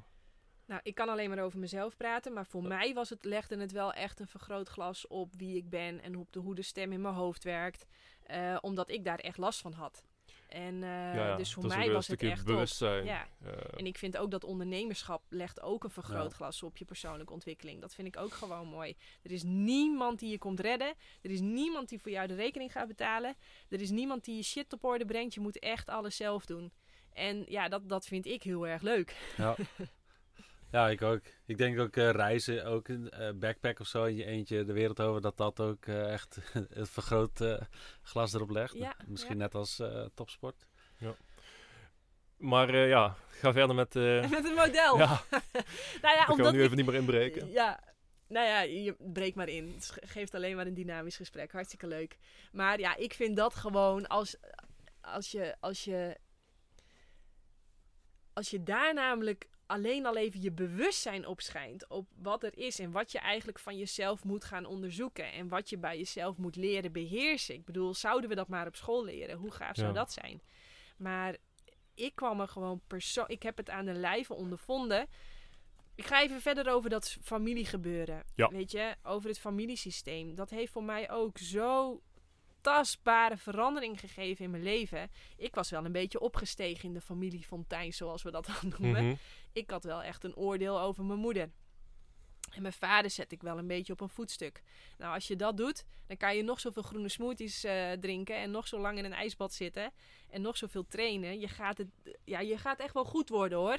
Maar om te domineren aan de wereldtop, om consequent goed te zijn, ja, dat wordt dan wel lastig. Dus eh, wat moet je onderzoeken van jezelf? Nou, hoe, dat dus, eh, hoe je moeder zich heeft gevoeld tijdens de zwangerschap, hoe je bent geboren. Eh, vervolgens heb je oordelen over je ouders. Hoe is, de, hoe is de relatie met en tussen je ouders? Is iets belangrijks om te onderzoeken.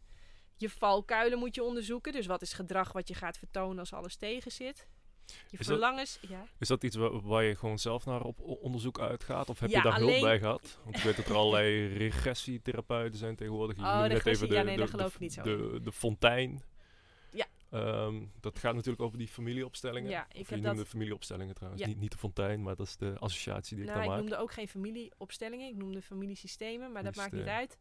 Ehm, ik heb nog nooit een familieopstelling gedaan. Sorry, trek mij niet. Maar voor iedereen voor wie het super waardevol is, blijf het doen, hè? Ja. Ja. Gebruik mij altijd. eh, gebru- ik, ik heb niet de waarheid. Ik laat gewoon mijn mening, mijn visie, mijn kijk op de wereld zien. En gebruik gewoon wat nuttig is en waarvan je denkt, nou, ze lult maar wat, gewoon overboord gooien. Niks meer Ja. mee doen. Knippen geen wij er wel aandacht voor je uit? geen aandacht aan schenken. Ehm, maar, wat was je vraag?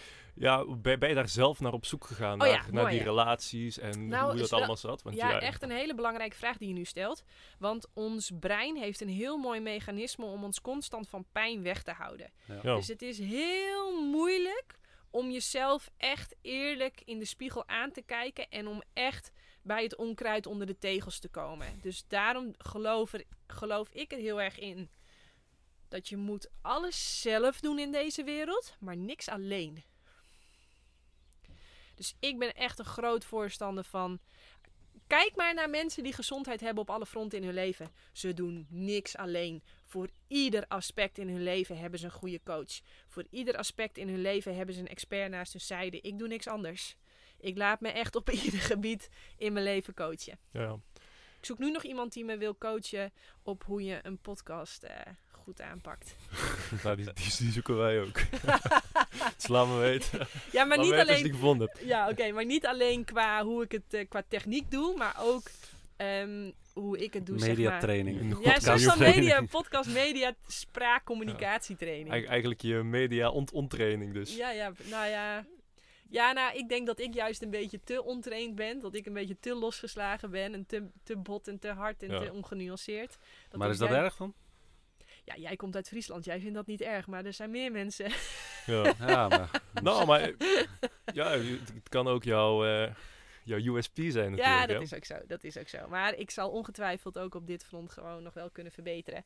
En als er iemand is die zegt, nou, ik heb, eh, daar heb ik wel een goede training voor, dan ben ik daar heel benieuwd naar. Ik heb een hekel aan online. Dus iedereen die met een online aanbod komt, die sla ik per definitie af. Ik ben groot voorstander van offline. Dus eh, volgens mij jullie ook. Of steeds Ja, meer. Dat is het mooiste Ja. natuurlijk, Ja. offline. Ja. Maar, maar wat voor soort coaches heb je allemaal dan? Want je zegt, je hebt overal een coach voor me. Ja, nou waar gaan we beginnen? Eh, ik nou, ik kijk, laat me zelfs eh, coachen in het opruimen en inrichten van mijn huis. Dat is nog niet, vind ik, nog geen tien.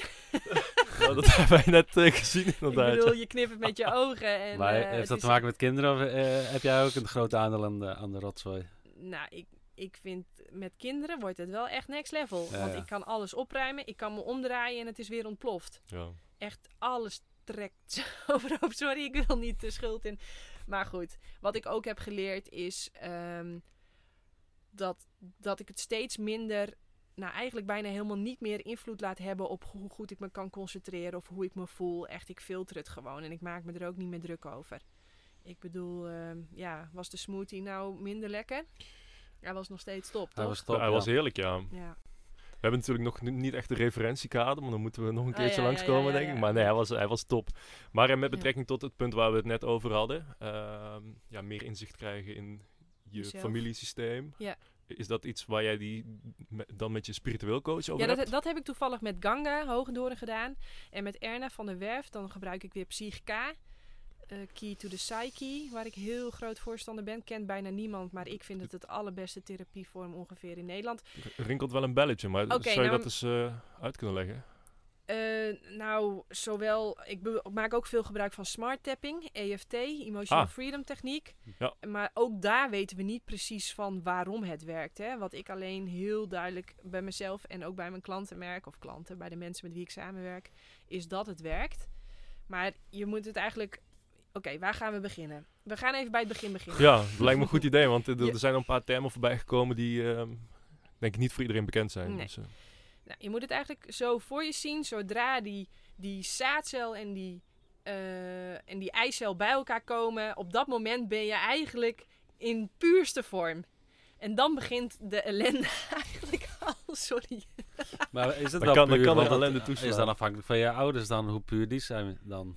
Nee, maar ik denk dat dat moment, volgens mij is dat wel het meest pure ja, oké, moment. wat je kunt zeggen. Ja, want de, de, Bewustzijn. een eicel is altijd nieuw. Dus ik denk dat die wel al, ja, hoe ongezond jij ook bent, die eicel is in principe volgens mij gewoon. Ja, hij hij wordt ook al beïnvloed door je moeder en je overgrootoma. Ja. Dat klopt. Maar oké, we moeten ergens beginnen. ja. nou, dan voor, voor het gemak nu. beginnen Ja, we even ja, hier. voor het gemak beginnen we erbij dat, dat, dat er heel veel prik in de cola zat bij je vader. En dat je moeder een hele mooie eicel had en dat die elkaar ontmoetten. En dat je daar in je puurste vorm was. Nou goed, dan ga je je innestelen bij de moeder. En dan, op dat moment, word je al blootgesteld aan cultuur, om het maar even zo te zeggen. Aan de overtuigingen van je moeder, aan de angsten van je moeder, aan, de, aan hoe zij leeft, aan hoe zij beweegt, aan hoe zij eet en alles erop en eraan. Nou, daar begint het al, hè? Heel veel mensen denken pas dat het begint als je geboren wordt, maar het is al lang begonnen. Eh, in de buik eh, voel je precies wat je moeder voelt. Je hoort wat je moeder allemaal meemaakt. Je doet wat je moeder doet. Het is daar echt al lang begonnen. Maar goed, dan kom je ter wereld. en dan eh, ben Feest. je. Wat zeg je? Feest. Ehm, ja, gelukkig eh, voor mij en mijn dochter was het wel feest. Voor heel veel vrouwen is het absoluut geen feest. Is het één groot trauma. En heel veel pijn en ellende. Ehm, maar daar kun je, je... Nou ja, goed. Ander onderwerp, andere podcast. Daar heb ik heel veel podcasts over gemaakt. Trouwens. Ja? Ja, Over zwangerschap. ja, over zwangerschap, over vrije geboorte, over eh, wel of niet eh, echo's maken. Al dat soort dingen. Alle keuzes die ik heb gemaakt, waarom ik ze heb gemaakt. Heel veel podcasts over. Je bent wel eh, breed, eh, breed actief, moet ik zeggen. Ja, dat klopt. Ja. Vinden heel veel mensen lastig. Maar het kan er niks aan doen. Nou Ja, als je net lastig, dat je eh, uitlegt dat je op al die vlakken van persoonlijke ontwikkeling bezig bent, nou, dan, dan kom je ook bij veel topics terecht en dan kan je ook ontwikkelen op veel topics. Dus. Ja, en ik, en ik merk altijd eh, eh, dat heel veel mensen die lezen wel eens een boekje. Ja, ik bestudeer hetzelfde boek vaak wel drie, vier keer. En dat niet met één boek, dat met duizenden boeken. Ja, dan, ja, dan op een gegeven moment dan... Ja. Ja, Ja, wat ik, eh, eh, want dat had ik eerder al ehm, wi- willen vragen, want nu, nu we er toch op het onderwerp zitten.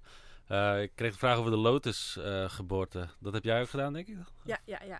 Ja, maar laat ik even mijn verhaal Ja, afmaken. het was bij, de, bij het moment van geboorte. Ja, ja, ja, precies. Dus je komt, eh, nou, laten we dan zeggen dat je een redelijk onbeschreven blad bent.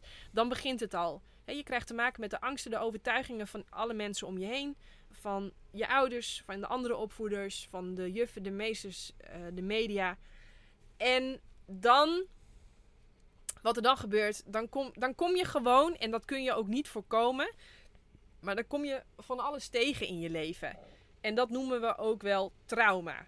En je hebt acuut trauma. Dat is bijvoorbeeld als je door een hond in je kuit wordt gebeten. Dan ben je vanaf dat moment bang voor alle honden. Maar je hebt ook chronisch trauma, zoals we dat dan noemen. En dat is bijvoorbeeld een... Kan dit nog qua geluid? Ja, zeker. Eh, Het vliegtuig kwam net ook al over. Dus- Oké. Ja, dat is de charme van de camper. Laat, Oh ja, ja. dat hoort erbij. Ja, super. En ehm, dat noemen we dan chronisch trauma. Dat is bijvoorbeeld eh, als je moeder de hele tijd iets heel goed bedoelt, maar toch iets tegen je heeft gezegd wat niet zo functioneel is. En, en dat is een uitleg voor trauma. Ik, ik leg het ook wel eens op een andere manier uit. Als jij een abnormale reactie hebt op een normale situatie. Hè, dus als jij abnormaal reageert op gewoon een hartstikke lieve golden retriever die voorbij loopt, dan hebben we te maken met een trauma. Maar als jij normaal gedril, eh, reageert op abnormale situaties, dan hebben we ook te maken met een trauma. Dus stel je voor, ehm, goh, ik moet even wat bedenken. Je gaat eh, de kroeg in en er zijn allemaal mannen die jou gewoon betasten. Maar jij denkt, ach ja, ik word altijd Hmm. betast. Dat is, dat is normaal. dan hebben we ook een probleem. Ja, absoluut. Hè? eh, stel je voor, er zou een man naar mij eh, een- zijn hand uitsteken in een richting waarvan ik denk, wat ben je? Ja, dan, dan, dan krijgt hij een knietje bij wijze van spreken, weet je wel. Terwijl als je als dat als vrouw maar over je heen laat komen, dan hebben we dus ook te maken met trauma.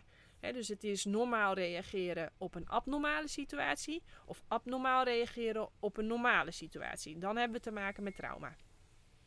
Nou, en alle keuzes die jij in je leven maakt, die weeg je af. Geeft het me pijn of geeft het me plezier? En dat en of iets jou pijn geeft of iets jou plezier geeft, dat hangt ervan af hoe iets in jouw zenuwstelsel is opgeslagen. Even een voorbeeldje. Ik heb een trauma overgehouden aan het de eerste keer dat ik alcohol dronk. Ik heb me zo ongelooflijk ziek gevoeld. Nou, hoe denk jij dat alcohol in mijn zenuwstelsel is opgeslagen? Als absolute pijn. Dus ik heb al 21 jaar geen druppel alcohol aangeraakt. Zo kan het ook. Ja. Ja. Was dat op jouw roeivereniging? nee, dat was ver daarvoor. Ehm, maar ehm, eh, hoe jij dus hoe jij pijn en plezier hebt opgeslagen in je zenuwstelsel, dat bepaalt wel alle keuzes die jij vandaag de dag maakt. En dat bepaalt dus wel ehm, hoe, je, eh, hoe jouw leven eruit ziet. Want hoe jij pijn en plezier hebt opgeslagen in je zenuwstelsel, dat bepaalt hoe jij tegen jezelf praat. Dat bepaalt hoe jij tegen anderen praat.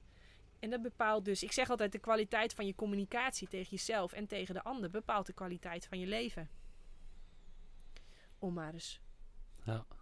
Maar goed, terug naar de lotusgeboorte. Nee, nee, nee, je, je kunt gewoon door, maar eh, dat was... eh, je, je vertelt zoveel dingen waarvan ik constant denk, oh, daar wil ik meer... Dus, Ja, Dus dus ik- niet genoeg tijd, denk ik, Nee, om maar- alles te bespreken. ja, ik wil ook niet steeds onderbreken, maar ik heb, dus- ja, we hebben nu zoveel topics waar ik constant denk, oh, dat wil ik... eh, dat. Ja. En toevallig dat ik deze week gevraagd werd naar lotusbevalling en ik, ik had er nooit van gehoord. Oh, oké. Ehm, Nee, dat is toch gek, hè? Dat is ongeveer het allerbelangrijkste wat je voor je kind kunt doen. En zelfs de meeste verloskundigen weten gewoon niet wat het is. nee, Wat nee. is het dan? Wat is het dan? Nou, ja, ik heb dus een nu vernomen... lotusgeboorte Ja, is als je, zodra je eh, kind wordt geboren, dan zit het met de navelstreng vast Oh, aan, de, aan de placenta. ja, ja. aan de moederkoek, zo noemen ze het ook wel. En bij 99,99% van de kinderen wordt die binnen 1, 2 minuten direct doorgeknipt. Wat ik echt zie als, als echt, ja, goh, moet ik dat nou netjes zeggen? Maar dat vind ik echt crimineel. Mag Ja, ik het zo ik zeggen? dacht, ik dacht al dat je dat woord ging Ja, gebruiken. Nee, vind ik gepast. Vind ik gepast. Ja, dat vind ik echt crimineel. Waarom? Omdat er nog een heel groot gedeelte van het bloed, van de stamcellen, van eh, allemaal vitamine, mineralen, van ja, eh, allemaal belangrijke cellen zitten nog in die placenta. En die zijn nog uren bezig om over te stromen naar het kindje. Als je die leiding, en daar heb je echt een hele goede, scherpe schaar voor nodig. Dan denk ik, dat zegt toch al genoeg, jongens. Mhm. Dat zegt toch dat we dit intact moeten laten. Maar goed, Ja, door gaat knippen, ja, dan doe je je kind wel echt heel erg tekort. En ik denk ook dat dat dus een van de redenen is waarom kindjes heel vaak heel veel gewicht verliezen de eerste dagen na de geboorte. Nou, wij hebben dus eh, die placenta en die navelstreng eh, drie dagen intact gelaten. En toen pas, toen het helemaal opgedroogd was en, de, en, en we zagen van, oh, volgens mij begint Doutse er nu juist last van te krijgen, want dan wordt het heel erg hard. Toen hebben we hem doorgeknipt. Ja. En, en wat ook heel opvallend is, is als jij dus heel snel zo'n navelstreng doorknipt, dan gaat het kindje altijd huilen. Dat is toch al opvallend? Oh, vanaf dat Terwijl- moment gaat het kind huilen. Ja, die gaat direct huilen. Terwijl, ja, Doutse, daar was hij uitgewerkt. Hij had zijn functie gehad. We hebben hem ceremonieel begraven onder haar eigen boom wat ze heeft gekregen. Hm. Wat denk je wat zij deed toen wij dat ding doorknipten? Ja, die tukte gewoon verder. Die, eh, Ja. Het interesseerde haar niks. Want normaal gesproken valt hij er zelf af, toch? Of- Als het helemaal laat. En als je het helemaal laat, als wij een dag langer hadden gewacht, was hij zelf eraf gevallen. Ja. ja want ik- jij noemt net eh, het feit dat de, de bloedtoevoer stopt wel via de navelstreng. Maar er komen nog alle- allerlei mineralen, vitamine, et De cetera. bloedtoevoer stopt ook niet. Nee. Ah, die, die blijft, die blijft zelfs intact. Ja, ja, een heel groot gedeelte van het bloed van de baby zit nog in de placenta. Dus daarom is het belangrijk dat je hem sowieso uren nog eraan laat zitten. En bij kinderen die te vroeg worden geboren, eh, is het extra, extra, extra, extra belangrijk dat je hem ook warm houdt, goed blijft kneden, zodat ze ja. die extra power die ze nodig hebben nog even krijgen. Ah, precies. Dus er, er blijft zelfs bloedtoevoer plaatsvinden of eh, stroom. Want ik zat te denken, eh, ja, als je beseft dat wij elektrische wezens zijn ook, dan... Ja, het is een directe geleidende verbinding tussen de moeder en het kind nog. Ja, dus ja. de- dat, dat lijkt me ook nog een hele grote reden om die, die brug te laten bestaan. ja, Want eh, ja, het is sowieso al iets. Je zit negen maanden in die baarmoeder, Ja. super knus, warm beschermd. ja, ja. En dan kom je er ineens uit in de, in de grote mensenwereld. Ja. Ehm, dus ja, het, het heeft ook een hele symbolische betekenis nog. Toch nog die kleine... ze noemen het in verbinding met je sommige moeder. culturen noemen ze het ook het achtste chakra. En Hmm. ehm, ja, dus daar worden hele boeken over geschreven. Maar Ja. ja. zegt dat dan ook niet veel over... eh, We houden heel erg vast aan wetenschap. Maar je zit dan letterlijk in, het, in de wereld van wetenschap als je in het ziekenhuis geboren wordt. Maar ze nee, knipt... absoluut niet. Nou ja, Sorry. wat mensen denken dat het allemaal medische wetenschap is. Oh, maar ja, dat je dan dat- is wel wat anders. Ja, ja maar da- dat je dan direct ehm, na één minuut hop eh, a- afknipt en doorgaat. Terwijl als je daar echt goed naar zou kijken, zou je denken, wow, het is een superbelangrijk onderdeel. Maar eigenlijk, ja, wat je zegt, niemand weet het bijna. En dat is iets wat we graag doen. We houden graag vast aan die wetenschap, want zij Ja, weten oh, het, zij sorry, maar dat vind ik echt geen wetenschap. Nee, nee, jij niet, maar dat is wel het algemeen beeld. Want anders zou niet iedereen dat ding eh, na één minuut al afknippen. Ja, oké, maar dat is niet gebaseerd op wetenschap. Dat doorknippen goed is. Doorknippen is gewoon lekker handig en lekker makkelijk.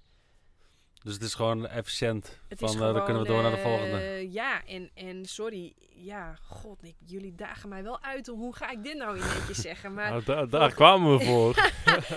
ja, ik heb het idee dat in het ziekenhuis zijn ze ook niet bezig om jou zo gelukkig en gezond mogelijk te houden. Ze doen in het ziekenhuis niet aan genezen, ze doen in het ziekenhuis aan klantenbinding. Dus als wij jou en wat denk je wat ze aan mij verdiend hebben? De hele zwangerschap, de hele geboorte, de hele daarna. Ja, weinig. Weinig, niks. Ik Helemaal heb geen niks. echo gemaakt, ik heb geen scan gehad, ik heb geen controle gehad. Ze, ze, niks, geen 0,0 euro. Nou ja, jij zit al in het verdienmodel. Aan jullie Ja. hebben ze al lekker verdiend. Ja, ja, dat- ja, onze verloskundige werd ook echt, eh, of ja, hij heeft ook echt gezegd van denk erom, het, het wordt echt bij, bijverkoop. Dus bij alles, alle twijfel en angst, eh, probeer eens iets bij te verkopen. Dus je moet scherp zijn met wat je echt, eh, nou, je moet sowieso al heel veel beslissingen maken over van eh, testen. Nou, eh, wat kan er allemaal misgaan? Eh, wat kan je kind allemaal... Ja, als we het dan Als- weer over de 99-1% eh, regel hebben. Ze praten Ja. 99% van de tijd over iets wat nog in geen 1% van de gevallen, helemaal als je de natuur gewoon zijn gang laat gaan, fout kan gaan. Nee, het, Ja. is, echt, het is echt gewoon... hè, als je een marketingles wil hebben, dan zou ik zeggen, ga een Ja. dagje in het ziekenhuis eh, rondlopen. Daar doen ze het supergoed. Ja, Ze spelen in op je angst. Ze spelen de doodskaart.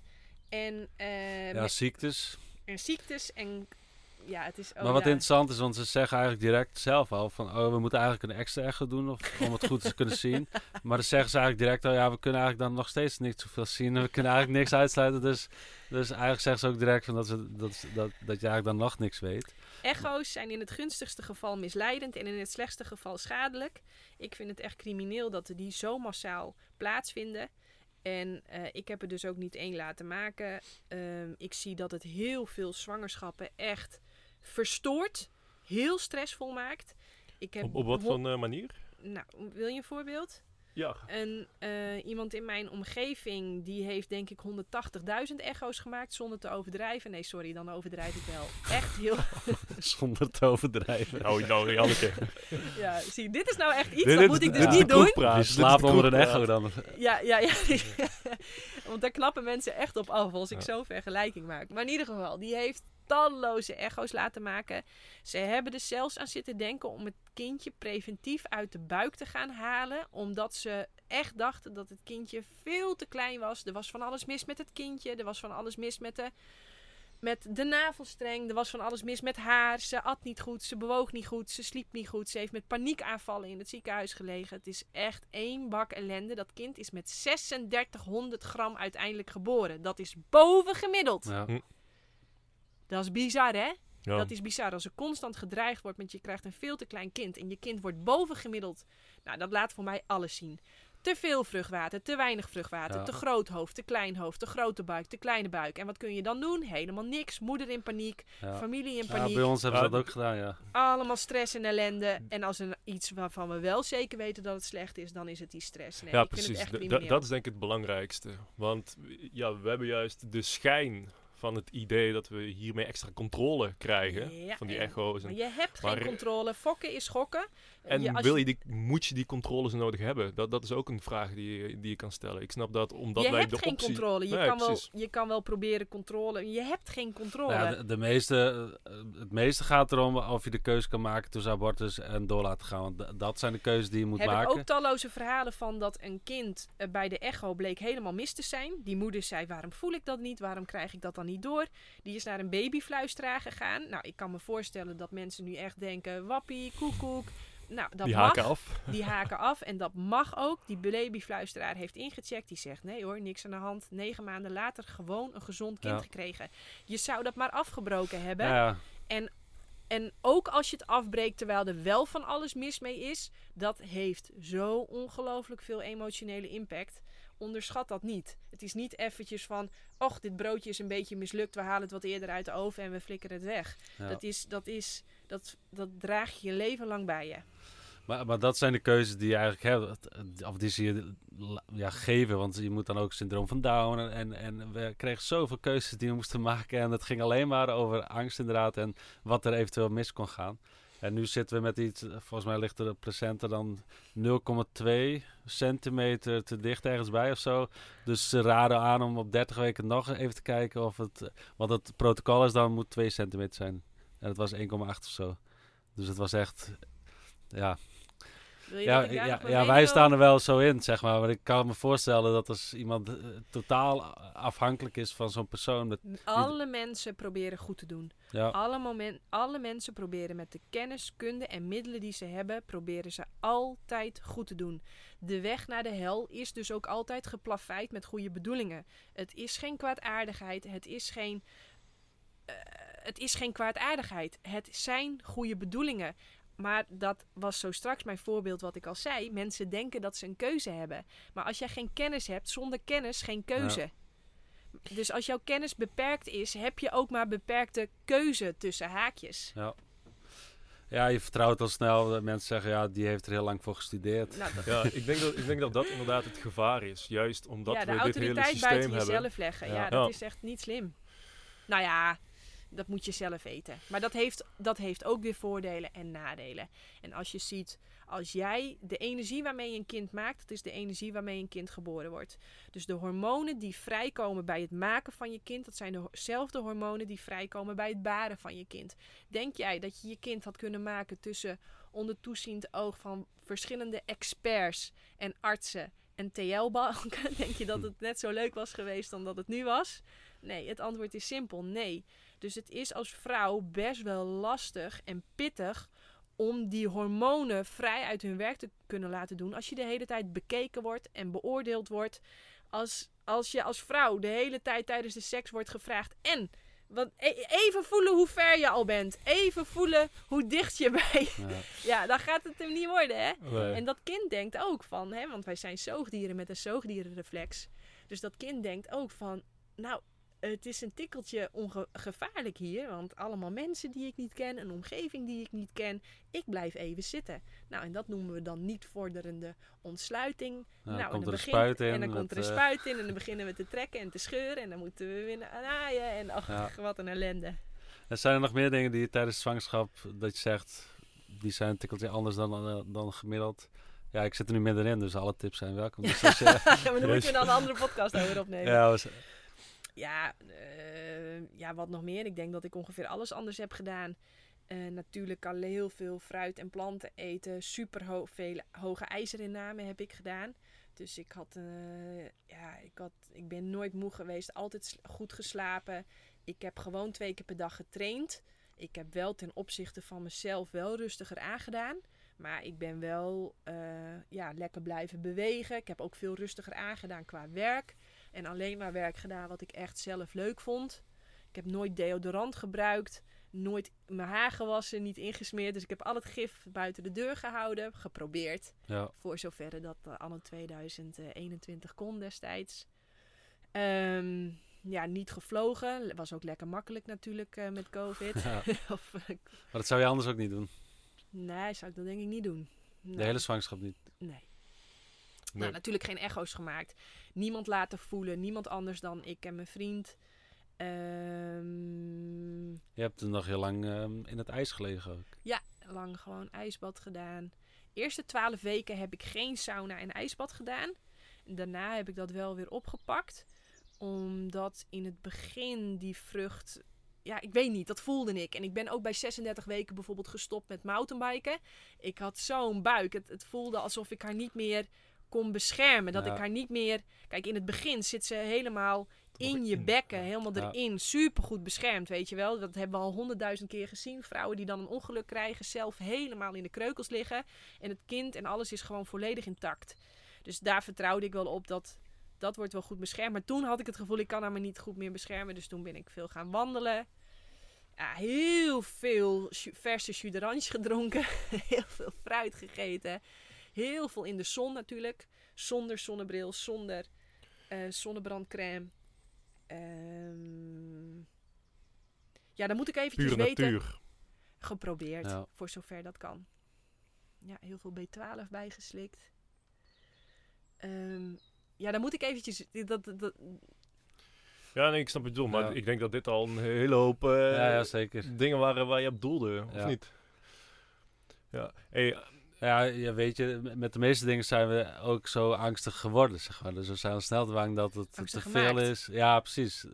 Dat, dat zit er echt zo in, van oh, ik, eh, ik kan dit niet meer. Dat. Dus ik was ook verbaasd dat jij op ze- 37 weken nog gewoon een, een, een gat in het ijs ging maken. Ja, dat, is toch, ehm, dat zit er toch een beetje in, omdat je toch zo beschermend, maar ook angst, eh ja, zie je weer, gemaakt. maar dat eh. zijn wel weer goede bedoelingen. Je Ja. probeert het goed te doen. Ja, En ieder mens probeert het goed te doen. Dus ik kan in mijn praten soms overkomen als, als, als weet ik veel hoe ik overkom. Maar ik, hè, als ik echt even contact maak met wie ik echt ben en wat ik echt voel, dan zie ik ook altijd alle mensen doen hun best. Het is nooit kwaadaardigheid. Het is altijd goede bedoelingen.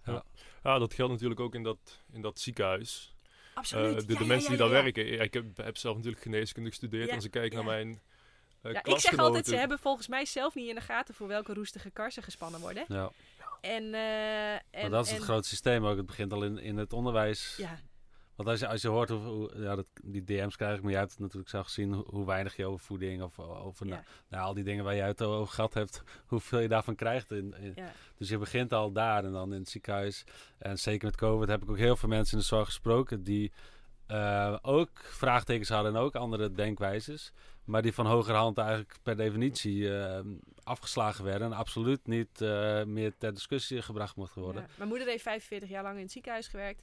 Ik heb alle ins en outs meegekregen. Ja, wij kunnen niks anders concluderen dan criminele organisatie, om het maar even grof te zeggen. Ja. En, Is eh, dan drie keer scheepsrecht. Ja, het En- is en- meer een systeem, denk ik, want de mensen zijn supergoed. Ja, dat, Ja, dat, ja, mensen ja, dat ja, vergeten ja, zijn ja, ja. de allerliefste, meest Ja, zorgzame ja, mensen ja, die helemaal alles voor anderen over hebben. Ja, maar ja, dat, ja. dat lijkt juist in deze context Ja. soms wel verkeerd Ja, voor hen uit te pakken.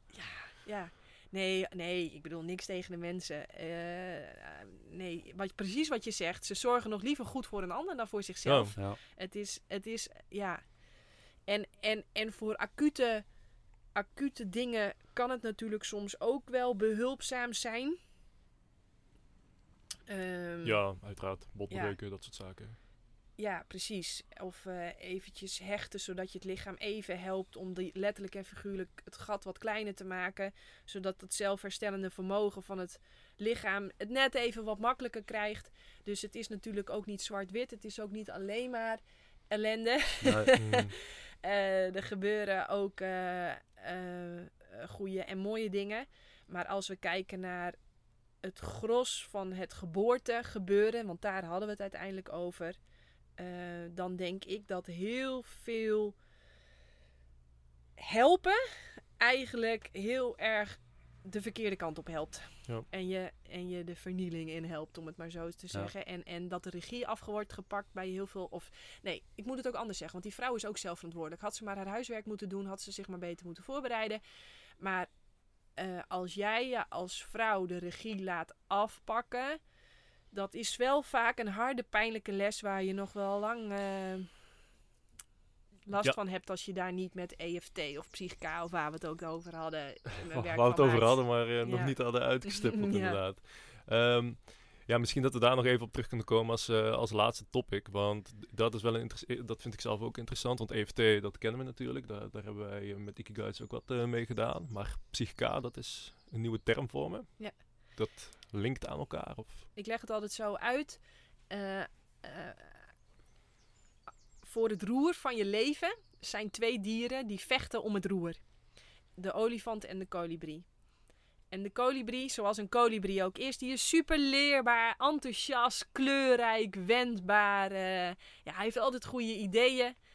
En, eh, maar aan de andere kant hebben we de olifant. De olifant zoals die is, super rigide. Rechtdoor is rechtdoor, links is links, rechts is rechts. Niet wendbaar. En deze twee dieren die, die vechten dus de hele tijd voor het stuur. En die olifant die wordt de eerste, daar wordt nogal een beetje over gediscussieerd, maar de eerste 6, 7, 8, 9 jaar van je leven wordt die geprogrammeerd. En uh, die kolibrie, uh, die komt daar eigenlijk achteraan. Nou, nu kun je je voorstellen dat, stel je voor, wij lopen 100 keer op een splitsing af en de olifant wil links en de kolibrie wil rechts.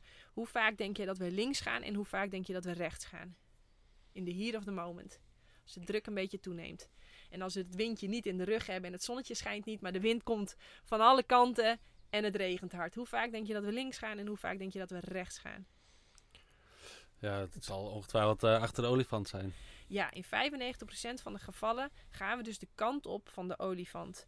Wat doen nou de meeste coaches? De meeste coaches die zijn non-stop met die kolibrie bezig. Nog meer kennis, nog meer tools, nog meer inzichten, nog meer training. Ja, hartstikke leuk. Als die olifant er anders over denkt, ga je in de heat van de moment toch de kant op van de olifant.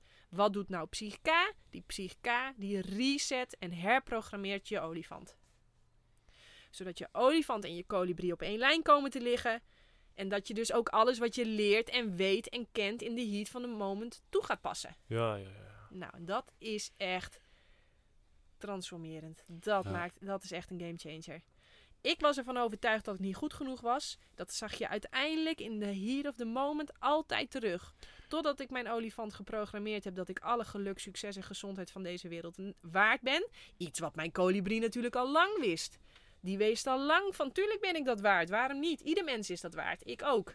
Maar zolang die twee niet op een lijn lagen, in de heat of the moment, vaak pech, vaak net niet.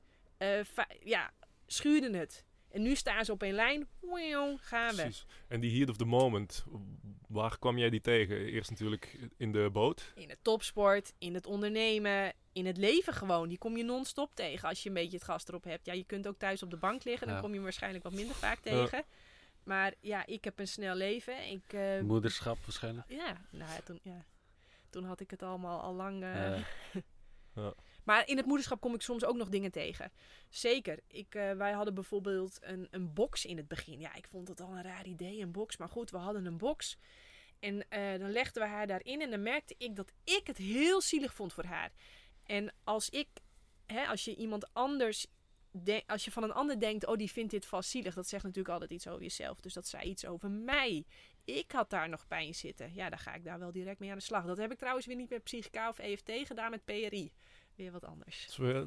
Past Reality Integration. klinkt ook interessant. Het is eh, ook een nieuwe voor mij. ja.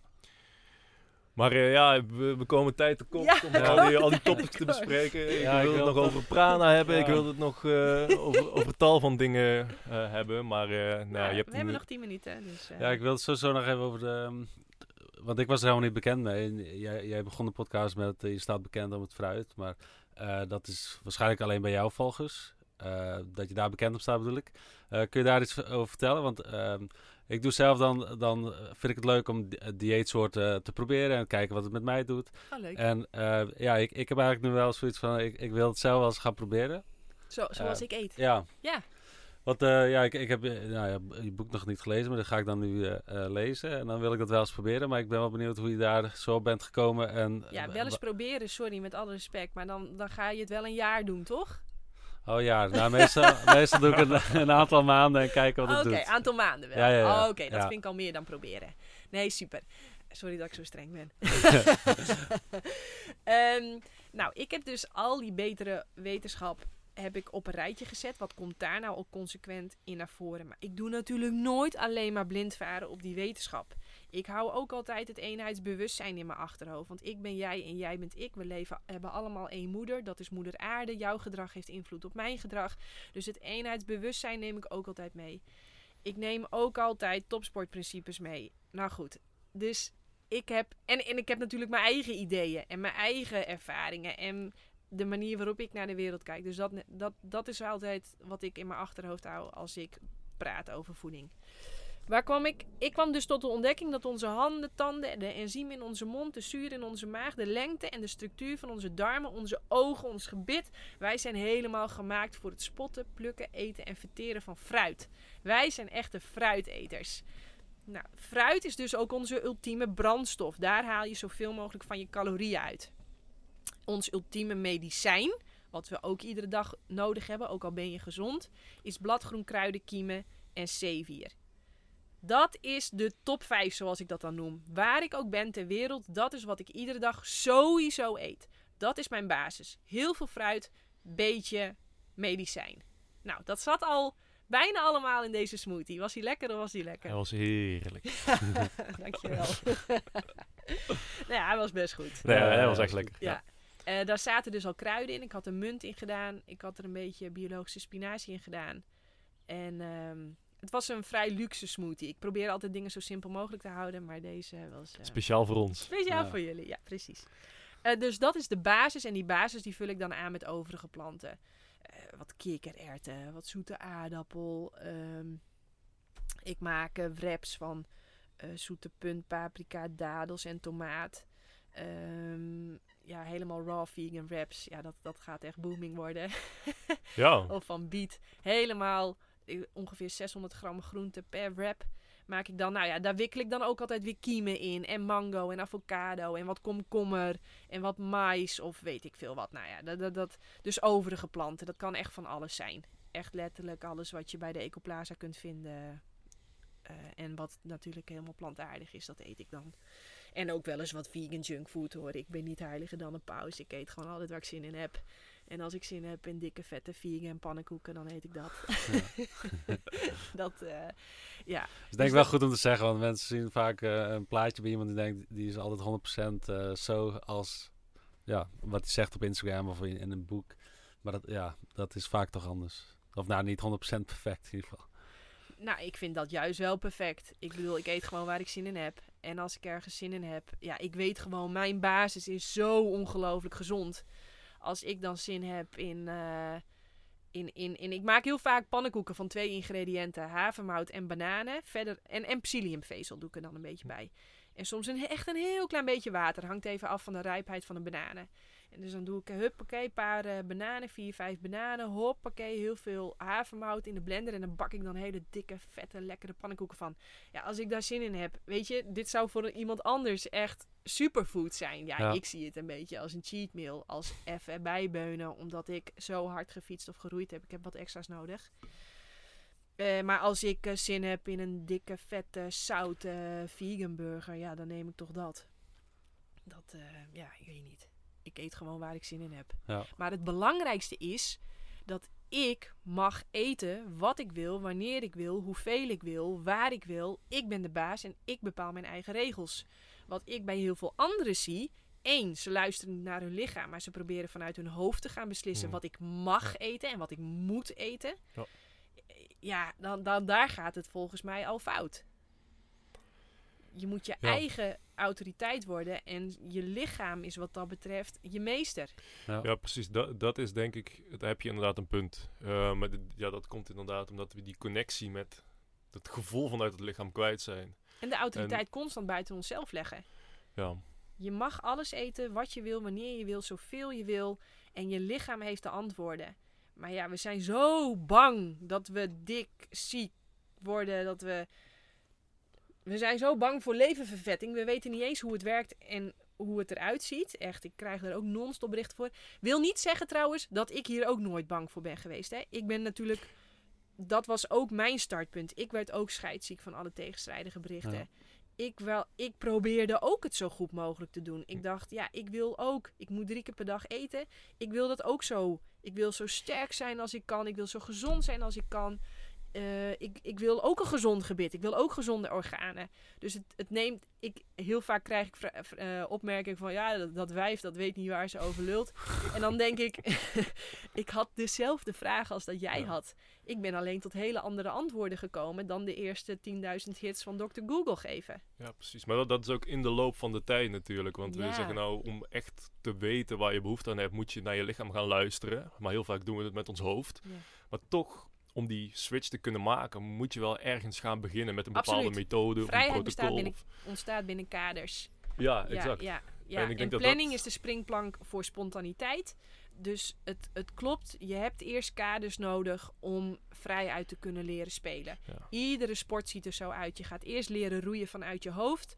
Totdat je op een gegeven moment tien jaar lang hebt geroeid vanuit je hoofd. En naar de wedstrijd gaat. En dan leer je ook altijd dat je dat hoofd weer uit moet gaan zetten. En dan in de here of the moment moet kunnen vertrouwen op intuïtie. En zo is het ook met eten. Het kan inderdaad heel behulpzaam zijn om te beginnen vanuit regels en kaders. Om vanuit daaruit vrijheid te ervaren. Ja, dat klopt. precies. Ik denk dat misschien intermittent fasting daar wel een mooi voorbeeld van is. Want eh, dat is volgens mij ook iets waar je recent nog over hebt uitgelaten. Dat is iets waarvan ik zelf ook heb gemerkt.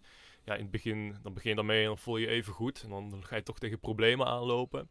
Dan hou je heel strak aan eh, in, het ochtend, in de ochtend je, je ontbijt skippen. En dan eh, nou, de rest van de dag wel eten. In het begin gaat het lekker. Maar later loop je tegen problemen aan. En dan ga je dat toch een beetje aan, aan tweaken. Dan ga je aan bepaalde knoppen draaien. Waardoor je eigenlijk met je hoofd begint.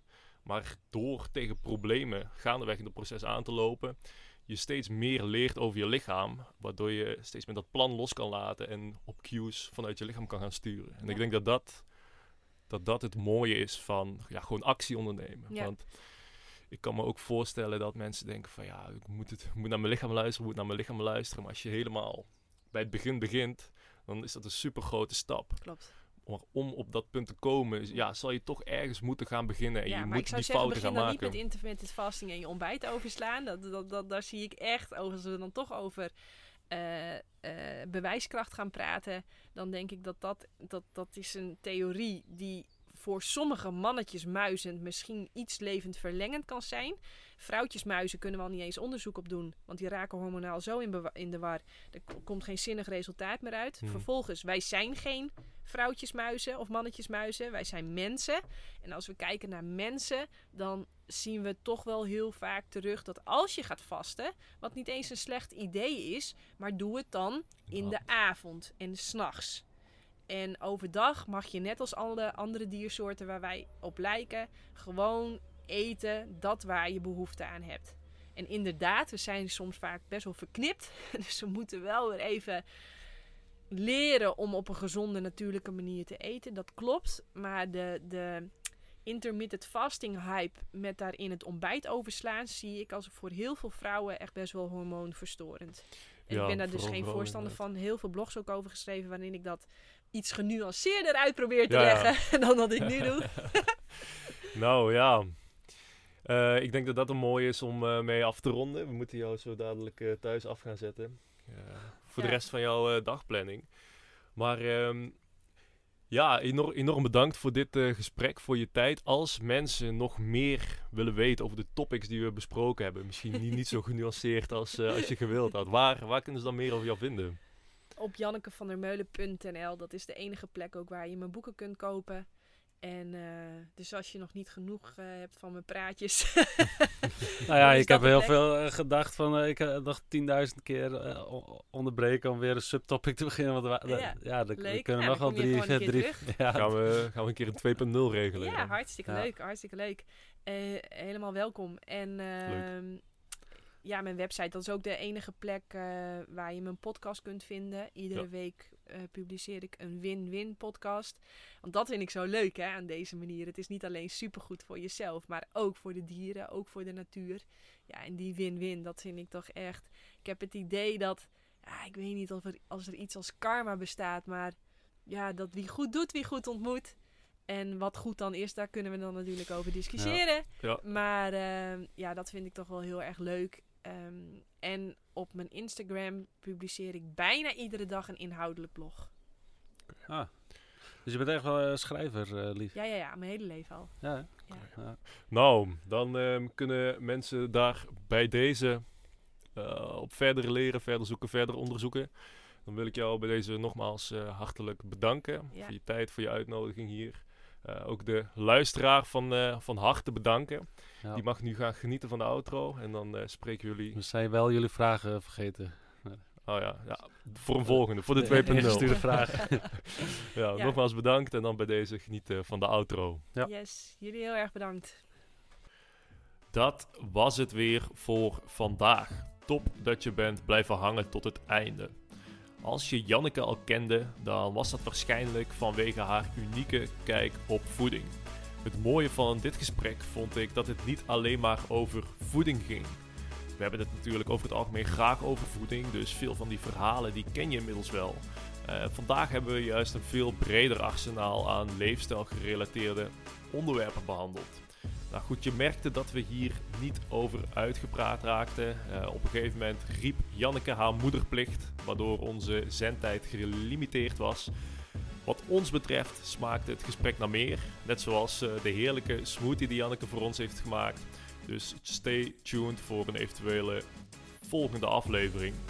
Vond je het leuk om naar deze podcast te luisteren? Of heb je wat gehad aan de topics die we besproken hebben? En wil je ons helpen om dit geluid te verspreiden?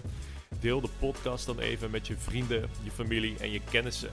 Geef ons ook een beoordeling op Spotify en luister je op YouTube. Geef ons dan een like en een subscribe op ons kanaal, zodat je op de hoogte blijft van wanneer we nieuwe video's publiceren. Dan wil ik je voor nu enorm bedanken voor het luisteren. Tot de volgende aflevering.